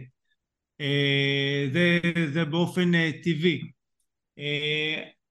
אני, אני, עוד פעם, אם אתם הרפתקניים והכול, ללא ספק יהיו הזדמנויות בעוטף עזה ובקריית שמונה וכל האזורים האלה. אני חושב שבסוף מי שיודע לעשות נדל"ן אפשר למצוא הזדמנות בכל עיר, בכל תנאי שוק. אמ, אז, אז עוד פעם, התקופות האלה אולי מביאות איתן קצת יותר הזדמנויות שגלויות לעין, אבל לא צריך לחכות חלילה לאיזה מלחמה או למשבר בשביל להביא עסקאות טובות. תראה, יש פה שאלה שגם חוזרת על עצמה, אני, אתה יודע, אין לי בעיה לענות עליה, וגם זה גם אתה יכול, הנושא של דירות מקבלן, או דירות יד שנייה, עם כל נושא של 2080, 1585, מה כדאי, מה לא כדאי, תמיד כששואלים אותי כזאת שאלה, התשובה שלי זה תמיד מה המטרה שלך. אוקיי? כן. אני, ואני אחר פעם אחת להבין, כי אנשים אומרים, מה, מה זאת אומרת מה המטרה? ואני אגיד, אני, אענה. בן אדם עכשיו רוצה לקנות נגיד דירה על הנייר, אוקיי? הוא אומר לי, גיל, אני קונה את הדירה סתם במיליון, ובעוד uh, שלוש שנים אני מקבל, תהיה עליית ערך. לא, סבבה, ואם לא תהיה. הנה, קרה עכשיו מלחמה, ידענו זה מה שיקרה, ידענו שייכנס החמאס וישחט אותנו פה, לא ידענו. אנחנו לא יודעים כלום. אני לא בונה על עלייה. עכשיו, מה, איך זה קשור למטרה? אני שואל אותו, אוקיי, מה המטרה שלך? כמובן שבדרך כלל אין לנו מושג, ואז אה, אני אומר לו בוא נגיד שהמטרה שלך היא להגדיל את ההון העצמי שלך במאה אלף שקל בשנה. סתם דוגמה. זאת אומרת בשלוש שנים אתה צריך שלוש מאות אלף. האם העסקה הזאת מקדמת אותך למטרה? אם אתה עכשיו קונה דירת יד שנייה שהיא שווה מיליון ואתה קונה אותה בשבע מאות זה מקדם אותך או אפילו בשמונה מאות זה מקדם אותך למאה אלף שקל בשנה. אבל פה זה דירה חדשה מקבלן. אתה תקבל אותה עוד שלוש שנים. האם בעוד שלוש שנים אתה תרוויח את השלוש מאות אלף שקל האלה זאת אומרת מאה אלף שקל כל שנה כן או לא ואז הם מבינים לרוב שהעסקאות האלה פחות טובות להם, שוב, אלא אם כן הם באמת מתחת למחיר שוק. כי יש המון יזמים שגם בפריס אפשר לקנות דירות בפריסל ולקנות אותם מתחת למחיר שוק, אז באמת השאלות האלה של ה-10 שנייה, של ה-10.90, 15.85, 20.80, זה לא השאלה, השאלה היא, זאת השאלה הלא נכונה. השאלה אם זה מקדם אותך למטרה. כן, קובי. אני, אני אגיד לך, בתור אחד שנפגש עם המון אה, יזמים בכלל בחודשים האחרונים, אנחנו עושים גם אה, פרויקטים לקבוצה שלנו להשקעה נכונה של, של עסקאות אה, פריסל. אה, רוב העסקאות שמגיעות אלינו לשולחן נפסלות מסיבה מאוד פשוטה, אוקיי, סבבה, 2080 ופטור מהצמדה למדד, זה איך אני אומר, זה כבר כולם נותנים, זה כבר הפך להיות איזה סטנדרט.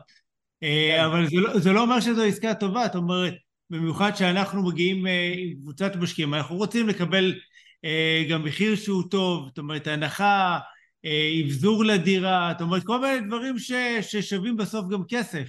ועוד פעם, בסוף אנחנו נדל"ניסטים וכולנו יודעים שאת הכסף עושים ביום הקנייה, בסדר? אה, וסופרים אותו ביום המכירה, אבל בסוף אין מה לעשות. יש שיטה, יש system וצריכים לעבוד נכון, וככה עושים נדל"ן, זאת אומרת כל מי שמנסה לכופף את השיטה שתהיה נוחה בשבילו, אוקיי?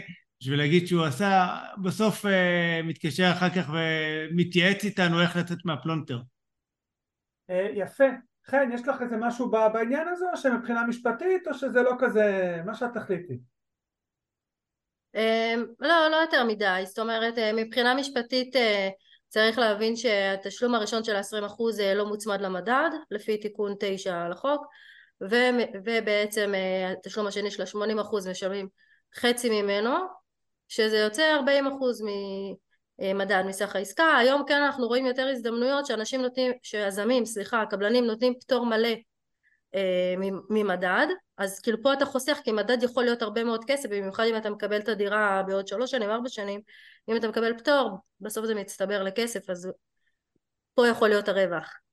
כן. שואלת פה מישהי שאני מכיר אישית, כי תלמידה שלי, אה, אני מקווה שאני אומר את השם נכון, סלומה בריך, אה, משהו, סלומה, סלומה, לא, לא, לא יודע, האם כדאי למכור עכשיו דירה? היא רוצה, אני מכיר אותה אישית, היא רוצה למכור דירה, לקנות חדשה, יש עכשיו בעיה למכור דירות, מן הסתם, אני כל הזמן אומר את זה גם לאנשים, מי שעכשיו לא חייב למכור, שלא ימכור דירה, אוקיי? כי למכור עכשיו דירה זה בדיוק להזמין אותי ואת קובי אה,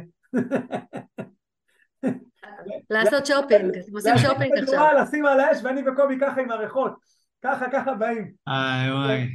אז כן, אז אני, אני תמיד אומר, עכשיו, ובטח עכשיו אחרי מה שקרה פה בשביעי באוקטובר, אה, המלצה, המלצה שלי עוד פעם, זה, זה, זה, זה לא, לא המלצה כללית, זה דעתי והמלצה שלי, עדיף להימנע מזה, אה, כי מי שלחוץ עכשיו באמת באמת אנשים כמונו אה, מריחים אותו, אוקיי? כמונו, כמו עוד אנשים, זה לא משנה. שואל פה ברק סגל, שאני גם מכיר אותו טוב, ברק, מה שלומך, אם הוא פה, אני לא יודע אם הוא פה, האם דווקא עכשיו שהריבית גבוהה אנשים מקפיאים מכירות ולא יורדים במחיר, זה זמן טוב לעשות את הצעד המיוחד? כן, דיברנו על זה, זאת בדיוק ההזדמנות אוקיי? זאת בדיוק ההזדמנות שאני מדבר עליה, כי תמיד, תמיד, תמיד, וכמה שזה עצוב ונוראי לומר את זה, אין מה לעשות, החיים ממשיכים ותמיד יש מישהו לחוץ, תמיד, תמיד יש מישהו לחוץ. איך מוצאים את הלחוצים האלה? בואו ללמוד, לכו לקובי, צריכים ללמוד את הדברים האלה. תראו חברים, די מיצינו את השאלות, אנחנו כבר אוטוטו גם שעה וחצי, אני אשמח אם מי שנשאר פה ככה, תכתבו לי ככה, תכתבו לנו בצ'אט, קודם כל אם יש לכם עוד שאלות בשמחה, וכן תהיה הקלטה, אנחנו קיבלנו את ההחלטה הזאת ברגע שהבנו שהם ניסו להיכנס לפה 200 איש ולא הצליחו. ומה, מה, מה, עם מה אתם יוצאים מפה היום? זה חשוב לי מאוד להבין עם מה יצאתם מהוובינר הזה. בכל זאת היה פה שעה וחצי, הרבה שאלות, הרבה תשובות, דיון. קצת יצאנו מה, מהשגרה הזאת של הפגזים וכל השיט הזה שקורה בחוץ מה לקחתם? יש מצב, שחר שואל, יש מצב שיהיה מס מלחמה מה זה מס מלחמה? אני לא יודע מה זה חן, את מבינה בזה? אני גם לא מבינה בזה, אבל אני יודעת שאחרי מלחמת אה, יום כיפור היה היטל. וואלה. איזשהו היטל מסוים, אני לא יודעת איזה, לא, לא נולדתי אז, כן, פשוט אה, שמעתי על זה. אגב, אני מצטרף, כן, היה, היה, אני רגע מצטרף, סליחה, כן, היה, היה אגרת מלחמה, מלחמת יום כיפור, כדי לממן את המלחמה. אוקיי, אני, אני, מעניין אותי משהו מאוד, אה, משהו אחר. אמ, תראו, ברגע שיש אירוע בקנה מידה כזה, נגיד הקורונה, תמיד אני אומר, ומתחילים המדינה לחלק כסף ומלווה כסף ומוציאה עשרות אם לא מעבר לזה של מיליארדים, אני תמיד תוהה מאיפה. וכשאני תוהה מאיפה אני תמיד אומר, וקובי מכיר את המשפט הזה, מתי יוגש החשבון? החשבון יוגש חברים, הוא יכול להיות שהוא יוגש עוד שנתיים שלוש. אתם תראו שהוא יוגש, אגב אחרי הקורונה הוא הוגש, העלו פה מיסים, דרשו פה חזרה אה, מענקים אם אתם זוכרים עם ריביות והצמדות, המדינה שלנו לא פראיירים, עזבו שנייה מה אני חושב, כמה ביקורת, ויש לי ביקורת על ההתנהלות שלהם, אה, אבל אה, בכל מקרה, אנחנו, המדינה לדעתי כן כן כן תבקש איזשהו החזר, המדינה כן תציג את החשבון שלה אני מסתכל פה רגע על הצ'אט, קובי אני חייב לדבר איתך דחוף, קובי תקבע עם שקד בר יוסף, הוא חייב לדבר איתך, בסדר? יאללה, 050, לא בעיה להשיג את הטלפון. אה, רגע, פעם קראו לזה, אומר פה ניר כהן, פעם קראו לזה מלווה, אני לא יודע על מה הוא מדבר, באיזה הקשר, חייבים לזוז כמה שיותר מהר, צודק שקד, ובגלל זה כנראה אתה הולך לדבר עם קובי, קובי שקד, שקד קובי. אה, אהבה. זה גיא, גיא, לא שקד, אבל לא נורא. כתוב שקד פה, אחי, כתוב שקד, אני יודע לקרוא, אמנם אני בלי משקפיים, אבל אני יודע לקרוא. משום מה זה על השם של הבת שלי, אבל הכל טוב. אה. גיא מה העניין? שואל יואב, יואב, כמה בר יוסף יש פה? הוא קשור אליך, אה, גיא? אוקיי. שואל איך כדאי לקנות דירה שנייה מבחינת מס רכישה, מימון, שיעבוד, משכנתה? קובי, אתה רוצה לענות על זה או שאני אענה? עוד פעם, איך השאלה? דירה, יד, דירה שנייה, רוצה לקנות דירה שנייה, יש מס רכישה, אני יש לי תשובה מאוד יפה לזה, תמיד אני אומר לאנשים, תגיד אתה עובד, אוקיי. אתה עובד, הוא אומר לי כן, יופי, כמה אתה מרוויח? יופי, אתה משלם מיסים, כן, וואלה, אז עזוב, אל תעבוד, שב בבית, שווה לעבוד, אתה משלם מס, אז אל תעבוד, שב בבית. זו התשובה שלי כן. תמיד לאנשים בכל מה שקשור למיסוי. אה, קובי, כן, יש לך איזה תשובה? אני, התשובה שלי היא מאוד אה, פשוטה, שאני התחלתי לקנות דירה, דירות שהתחלנו לקנות, אה, אני והדר דירות להשקעה, זו עוד הייתה תקופה שהיו הולכים לדואר עם הספח אה, לשלם את המס רכישה. נכון, נכון. אז כל הזמן היו אומרים לי, מה, איך אתה משלם 8 אחוז, 8 אחוז? אז uh, אמרתי להם, uh, הטריק שלי מאוד מאוד פשוט, עם חיוך על הפנים. עכשיו, בדואר הייתה שם את צביה היקרה שעבדה, וכל פעם היא הייתה אומרת לי, מה זה, כמה כסף אתה משלם מס רכישה? כמה כסף? אצלך יש צביעה אוקיי. בדואר? בוא'נה, גם אה? גם יש אצלי צביעה בדואר. כן, כן. עכשיו, מה הקטע לימים, אתה יודע, כל פעם הסברתי לצביה את הפילוסופיה שלי, ובסוף היא ובעלה היקר הגיעו וקנו איתנו דירה, וגם הבת שלה הגיעה. אז אה, אני חושב שפשוט זו הדרך, כי זה, אין מה לעשות, אנחנו משלמים מיסים, זה לא מה שאמור לעצור אותנו להתקדם. אה, והרבה פעמים אני, אני חושב, אני, אני רגע אגע שנייה בחו"ל, הרבה פעמים אומרים לי, אני רוצה להשקיע בחו"ל כי שם אין מס רכישה. ואני חושב שזו התשובה לא נכונה לשאלה למה לצאת מעבר לים ולהשקיע. אני כן יכול להבין אה, גיוון של הפורטפוליו, אה, כל מיני עסקאות שיוצרות תזרים שבעצם אה, מחפות על התזרים השלילי שיש היום אה, ככה עם המשכנתאות ואז זה מאפשר לנו לעשות עוד כל מיני צעדים. זה, זה בסוף צריך להגיע עם איזה אג'נדה, עם איזה תוכנית אה, עסקית אה, מסודרת להשקעה שלנו. זה, זה לא סתם כי בא לי להשקיע בחו"ל, אין לי שום סמנטיקה לשום מדינה, בסוף אנחנו כאן עושים אה, עסקים. אה, ואני אני אומר, אם יש אפשרות לקנות בישראל, שוק בישראל הוא פשוט פנומנלי. אני גם אומר, אגב, אסף אייל, שהוא יקירי אסף, מה שלומך, כותב, לגבי כנראה הוא מתכוון למס, זה נקרא מל, מ- מלווה או מלבד ביטחון, אה, כאילו האוכלוסייה הלוותה כסף למדינה, והוא צודק, כי אנחנו בעצם מלווים כסף ואנחנו, כן, זה מה שקורה. כותב פה יצחק קונה, אני מקווה שאומר את השמות נכון, אני שאלתי מה יצאתם מפה מהוובינר, אני יצאתי עם הרוח לצאת ולחפש מציאות, לעשות מה שדרוש כדי להגדיל את כמות הנכסים. יצחק, כל הכבוד, אז הצלחנו, איזה כיף. אה, קובי, לדעתי שאלה שואל רונן, דיברנו על זה קצת, אבל אם אתה רוצה קצת, מה דעתכם על השקעות נדל"ן מעבר לים? זה הולך להיות טרנד עכשיו לדעתי, הקטע הזה שאנשים יגידו, אני רוצה עכשיו כאילו להשקיע מעבר לים, יש לזה כן. השלכה קובי, נכון? קודם כל יש לזה השלכה, אה, אני חושב שהרגשנו את זה בחודשים האחרונים עם כל העניין של הרפורמה המשפטית. אני כמעט ולא משווק אפילו את הפעילות שלנו בפולין והיא עובדת, פשוט אנשים מגיעים, אה, אוקיי? אה, מחיפושים בגוגל ומפה לאוזן וכאלה ואנחנו כן רואים פשוט עלייה אה, מדהימה של אנשים שמשקיעים בחו"ל. אני חושב שצריך לדעת איפה משקיעים ולבחור את המדינות הנכונות גם מבחינת מיסוי, לבדוק שיש אמנות מס, לבדוק בעצם באמת את כל התוכנית, איך אנחנו נכנסים לעסקה, איך אנחנו מנהלים אותה וגם איך אנחנו יוצאים ממנה ו, ומתי. אה, החיים לא תמיד זוהרים רק אה, מעבר לים, זה לא איזה עולם שכולו טוב, חשוב גם להגיד את זה.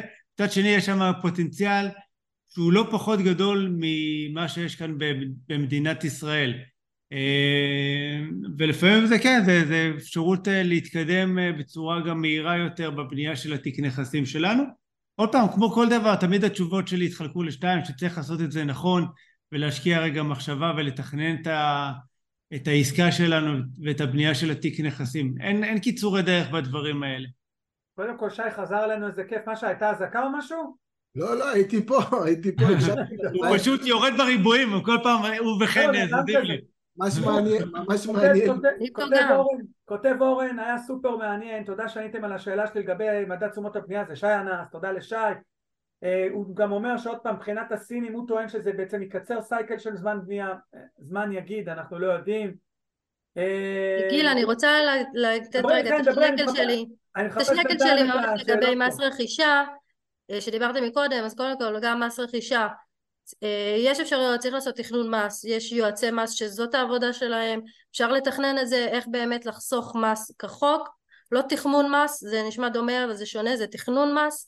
אה, יש אנשים שקונים שליש שליש שליש, יש אנשים שמתכננים למכור דירה, כאילו לעשות דירה חליפית, יש אנשים שנותנים את הדירה במתנה לילדים, לא רק רושמים על שם הילד, אלא נותנים במתנה ורושמים כבר על שמו. יש את הדרכים לעשות את זה, אז אם זה משהו שמעניין מישהו אפשר להתייעץ עם, ה... עם עורכי דין למיסים או מיסוי מקרקעין, כן. יועצי מס ויש לה כל פתרונות. שי, שואל אותך ניר כהן, לדעתי אותך הוא שואל, כי אני לא יודע לענות על זה. אה, אולי אחרים כן, גם קובי ואולי קובי. חיכיתי לשאלה הזאת, ראיתי אותה. מה הריבית הממוצעת בישראל, אתה יודע מה, גם אותי זה מעניין, כי לא ידעתי, מה הריבית הממוצעת בישראל בחמישים השנים האחרונות, ומה יהיה החזר משכנתה הממוצע בסביבת ריבית ממוצעת כזאת? וואו, חתיכת, זה לדעתי וובינר... זה נשמע שאלה בבגרות, אה, חמש יחידות. כאילו זה יוצא מנקודה A והוא יוצא מנקודה B, איפה הם התפגשו? לא, בסדר, קודם כל, מה זה רלוונטי מה היה לפני 50 שנה, אבל בואו תראו סתם ככה... הקלטתי... שי מפתיע אותנו עם המסכים שלו. הקלטתי בגוגל בשבילכם, שימו לב, מצאתי עד שנת 90, משנת 95 עד 2021, שזה היה נראה מאוד אופטימי, רק שמשנת 2022 אנחנו התחלנו לראות את הקו עולה ומגיע היום לאזור ה... כמעט חמישה אחוז, שזה כמו שהיה אי שמה ב-2006 מבחינת הריבית. בגדול, אנחנו בתחזית קדימה בכיוון ירידה של הריבית. היום, אם אנחנו מסתכלים נכון להיום, אנחנו צריכים לכוון באזור ה-530, אולי אפילו 550 שקל לכל 100 אלף שקל, סתם לצורך הדוגמה, מי שלוקח משכנתה של מיליון, זה החזר חודשי של בין 5,300 ל-5,500, יש כאלה שיגידו אפילו יותר, אה, וזה פריסה לרוב המשכנתה ל-30 שנה. אבל משכנתה זה כמו השקעה לכל דבר. לוקחים, מבינים שהיום התזרים הוא כזה מכיוון שהריבית היא גבוהה, וכמו כל השקעה אחרת, לא טומנים את הראש בחול, אלא משנים, זה נקרא מחזור בשפה המקצועית, משנים את התנאים, ברגע שהריבית יורדת, ממחזרים, מקצרים, יש, אה, יש משחק אה, שצריך לשחק בדבר הזה, כמו בכל השקעה. אז לא צריך להסתכל מה היה לפני 50 שנה, ומה מה זה, מה, אה, מה היה כאילו, עכשיו אני יורד לאסימון, מה, מה היה אחרי מלחמת יום הכיפורים? אני לא יודע, שווה להסתכל. נולדתי אחרי מלחמת יום הכיפורים, זה מה שקרה. אתגר אותי, כן. אבל לא, לא צריך להסתכל כל כך רחוק, אה, חברים, אה, אנחנו... אני מסכים, אני מסכים. אגב, בכלל בנדל"ן אני ממליץ לכולם להסתכל על שני העשורים האחרונים, גג, שלושה עשורים, לפני שלושה עשורים זה בכלל לא היה פה אינטרנט, זה לא נכון כל כך להסתכל על זה כל כך רחוק, אנחנו מתנהגים, אנחנו כאוכלוסייה מתנהגים שונה. אה, יש דיבורים, שואל אורן, פרטוק, אני מקווה שאומר נכון אורן, יש דיבורים על הפחתת מס רכישה, מישהו שמע על זה משהו? לא משהו קונקרטי. לא חושב שזה יקרה, בטח לא עכשיו שהמדינה צריכה כל מס אפשרי. אגב, אני, אני קצת דרך אגב יכול לחלוק על זה, כי אני חושב שאחד התמריצים שיגרמו אולי למדינה להוריד את המס רכישה, נניח לחמש אחוז, זה בכדי לעורר את שוק הנדל"ן, כי אנחנו יודעים את החשיבות שלו בהתנאה כן, של המשק. קובי, אם מה ששי אומר יקרה ויורידו ריבית וגם את המס רכישה, זה לא לעורר את שוק הנדל"ן, זה להעיף אותו למעלה. בסדר, שמע, אה, אני הספקתי לקטוף עוד איזה דירה שזה ירד. שואל אסף אייל, כן.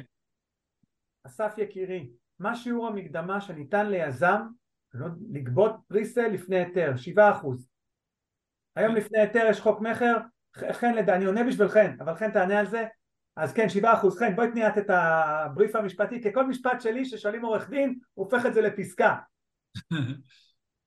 אה, כן, אז זה לא, לא, לא פסקה, בגדול אה,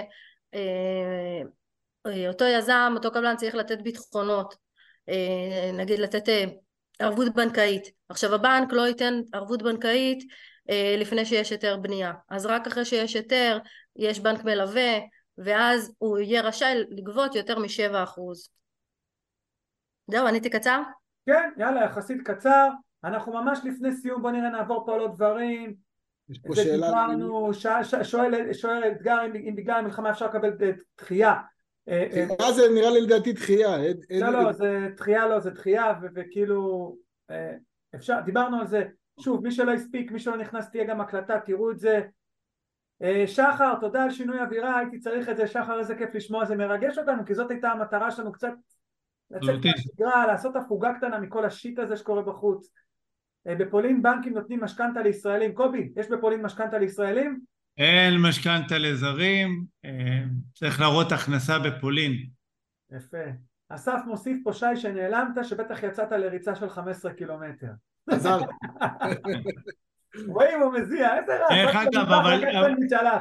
לגבי מימון בחו"ל, יש הרבה דרכים, זאת אומרת, עדיין משכון של נכס קיים, בגלל שהנכסים זולים, גם לפעמים הלוואות מסחריות של 100-150 אלף שקל סוגרות יופי את הפינה, וכן, האם אתם חושבים יש פתרונות. האם אתם חושבים שיש עכשיו הזדמנויות לפרויקטים של פינוי-בינוי בעזה? שואל בצחוק אה, כמובן, אני לא יודע איך... את. הפינוי התחלנו. את הפינוי, הפינוי כבר יש, פינוי יש, לא נראה לי שיש שם בינוי בקרוב, לא נראה לי, אני מאוד... אנחנו מקווים שלא. אה, באמת, איזה אה, אזור היית מתמקד דירה שנייה עד מיליון שקלים, שמעו זה כרגע לא, אנחנו לא, זה לא, זה לא הנושא של הוובינר, זה לא המטרה, זה לא המטרה שלנו. פחות המטרה, תודה אומר פה מעיין, מעיין, סליחה שכן, נדמה לי זאת המעיין שלדעתי איכשהו יצאה פה והיא חזרה, אבל באמת תודה, אה, נוגן, מה שלומך ידידי, ידידי אוהד מכבי תל אביב, נוגן, תודה רבה, עזרתם לי עם הרבה שאלות שעלו בתקופה האחרונה, נוגן קנה באשקלון, אז יש לו הרבה שאלות מן הסתם, חן, את מכירה את נוגן? הוא עבר איתך? אה, בטח, לקוח שלי. הנה, כתבתי לו מחכה כן, לעסקה כן, הבאה. כן, נוגן, אה, לך תקנה עוד דירה, כמובן. אה, הנה חן כבר כתבה לו, ענתה לו, טה טה טה, תודה רבה, יפה. חברים, מילות. סיכום, מילות סיכום יש לנו? אני נהניתי, מה איתכם? אני חושב שבאמת הוכחנו כאן שאנחנו יודעים גם לקום לנער את האבק, גם אם זה לאיזה שעה וחצי, אה, ללא ספק אנחנו אולי נחזור קצת אה, להתעדכן בחדשות וקצת לב- ולבאסה, אבל זה באמת היה איזה שינוי אה, מרענן אה, אחרי שבועיים מאוד מאוד מאוד קשים, ואין לי ספק שאנחנו ננצח, ו- ובאמת, והכוח שלנו ביחד. זה חשוב לזכור את זה, וחשוב לשמר את זה גם ביום שאחרי המלחמה. בדיוק. נתתם לי אה, אנרגיות ממש אה, טובות, אז קודם כל לכם תודה, ו- ותודה על הזכות גם אה, לשתף ולתת, ושוב, כל הזמן שייכנס לכם בראש הנתינה הזאת, שכל אחד ואחד, כל אחד ואחת יכולים פה לעשות, זה מה שירים אתכם למעלה, ורכבות הרים עדיין לא נגמרו, אז כל פעם שקצת פחות טוב, לעשות איזשהו מעשה אחד טוב, ואני אומר לכם, זה, זה משנה את המצב רוח ב- ב- בדקה. אז תודה לכם חברים. חן, מילות סיכום?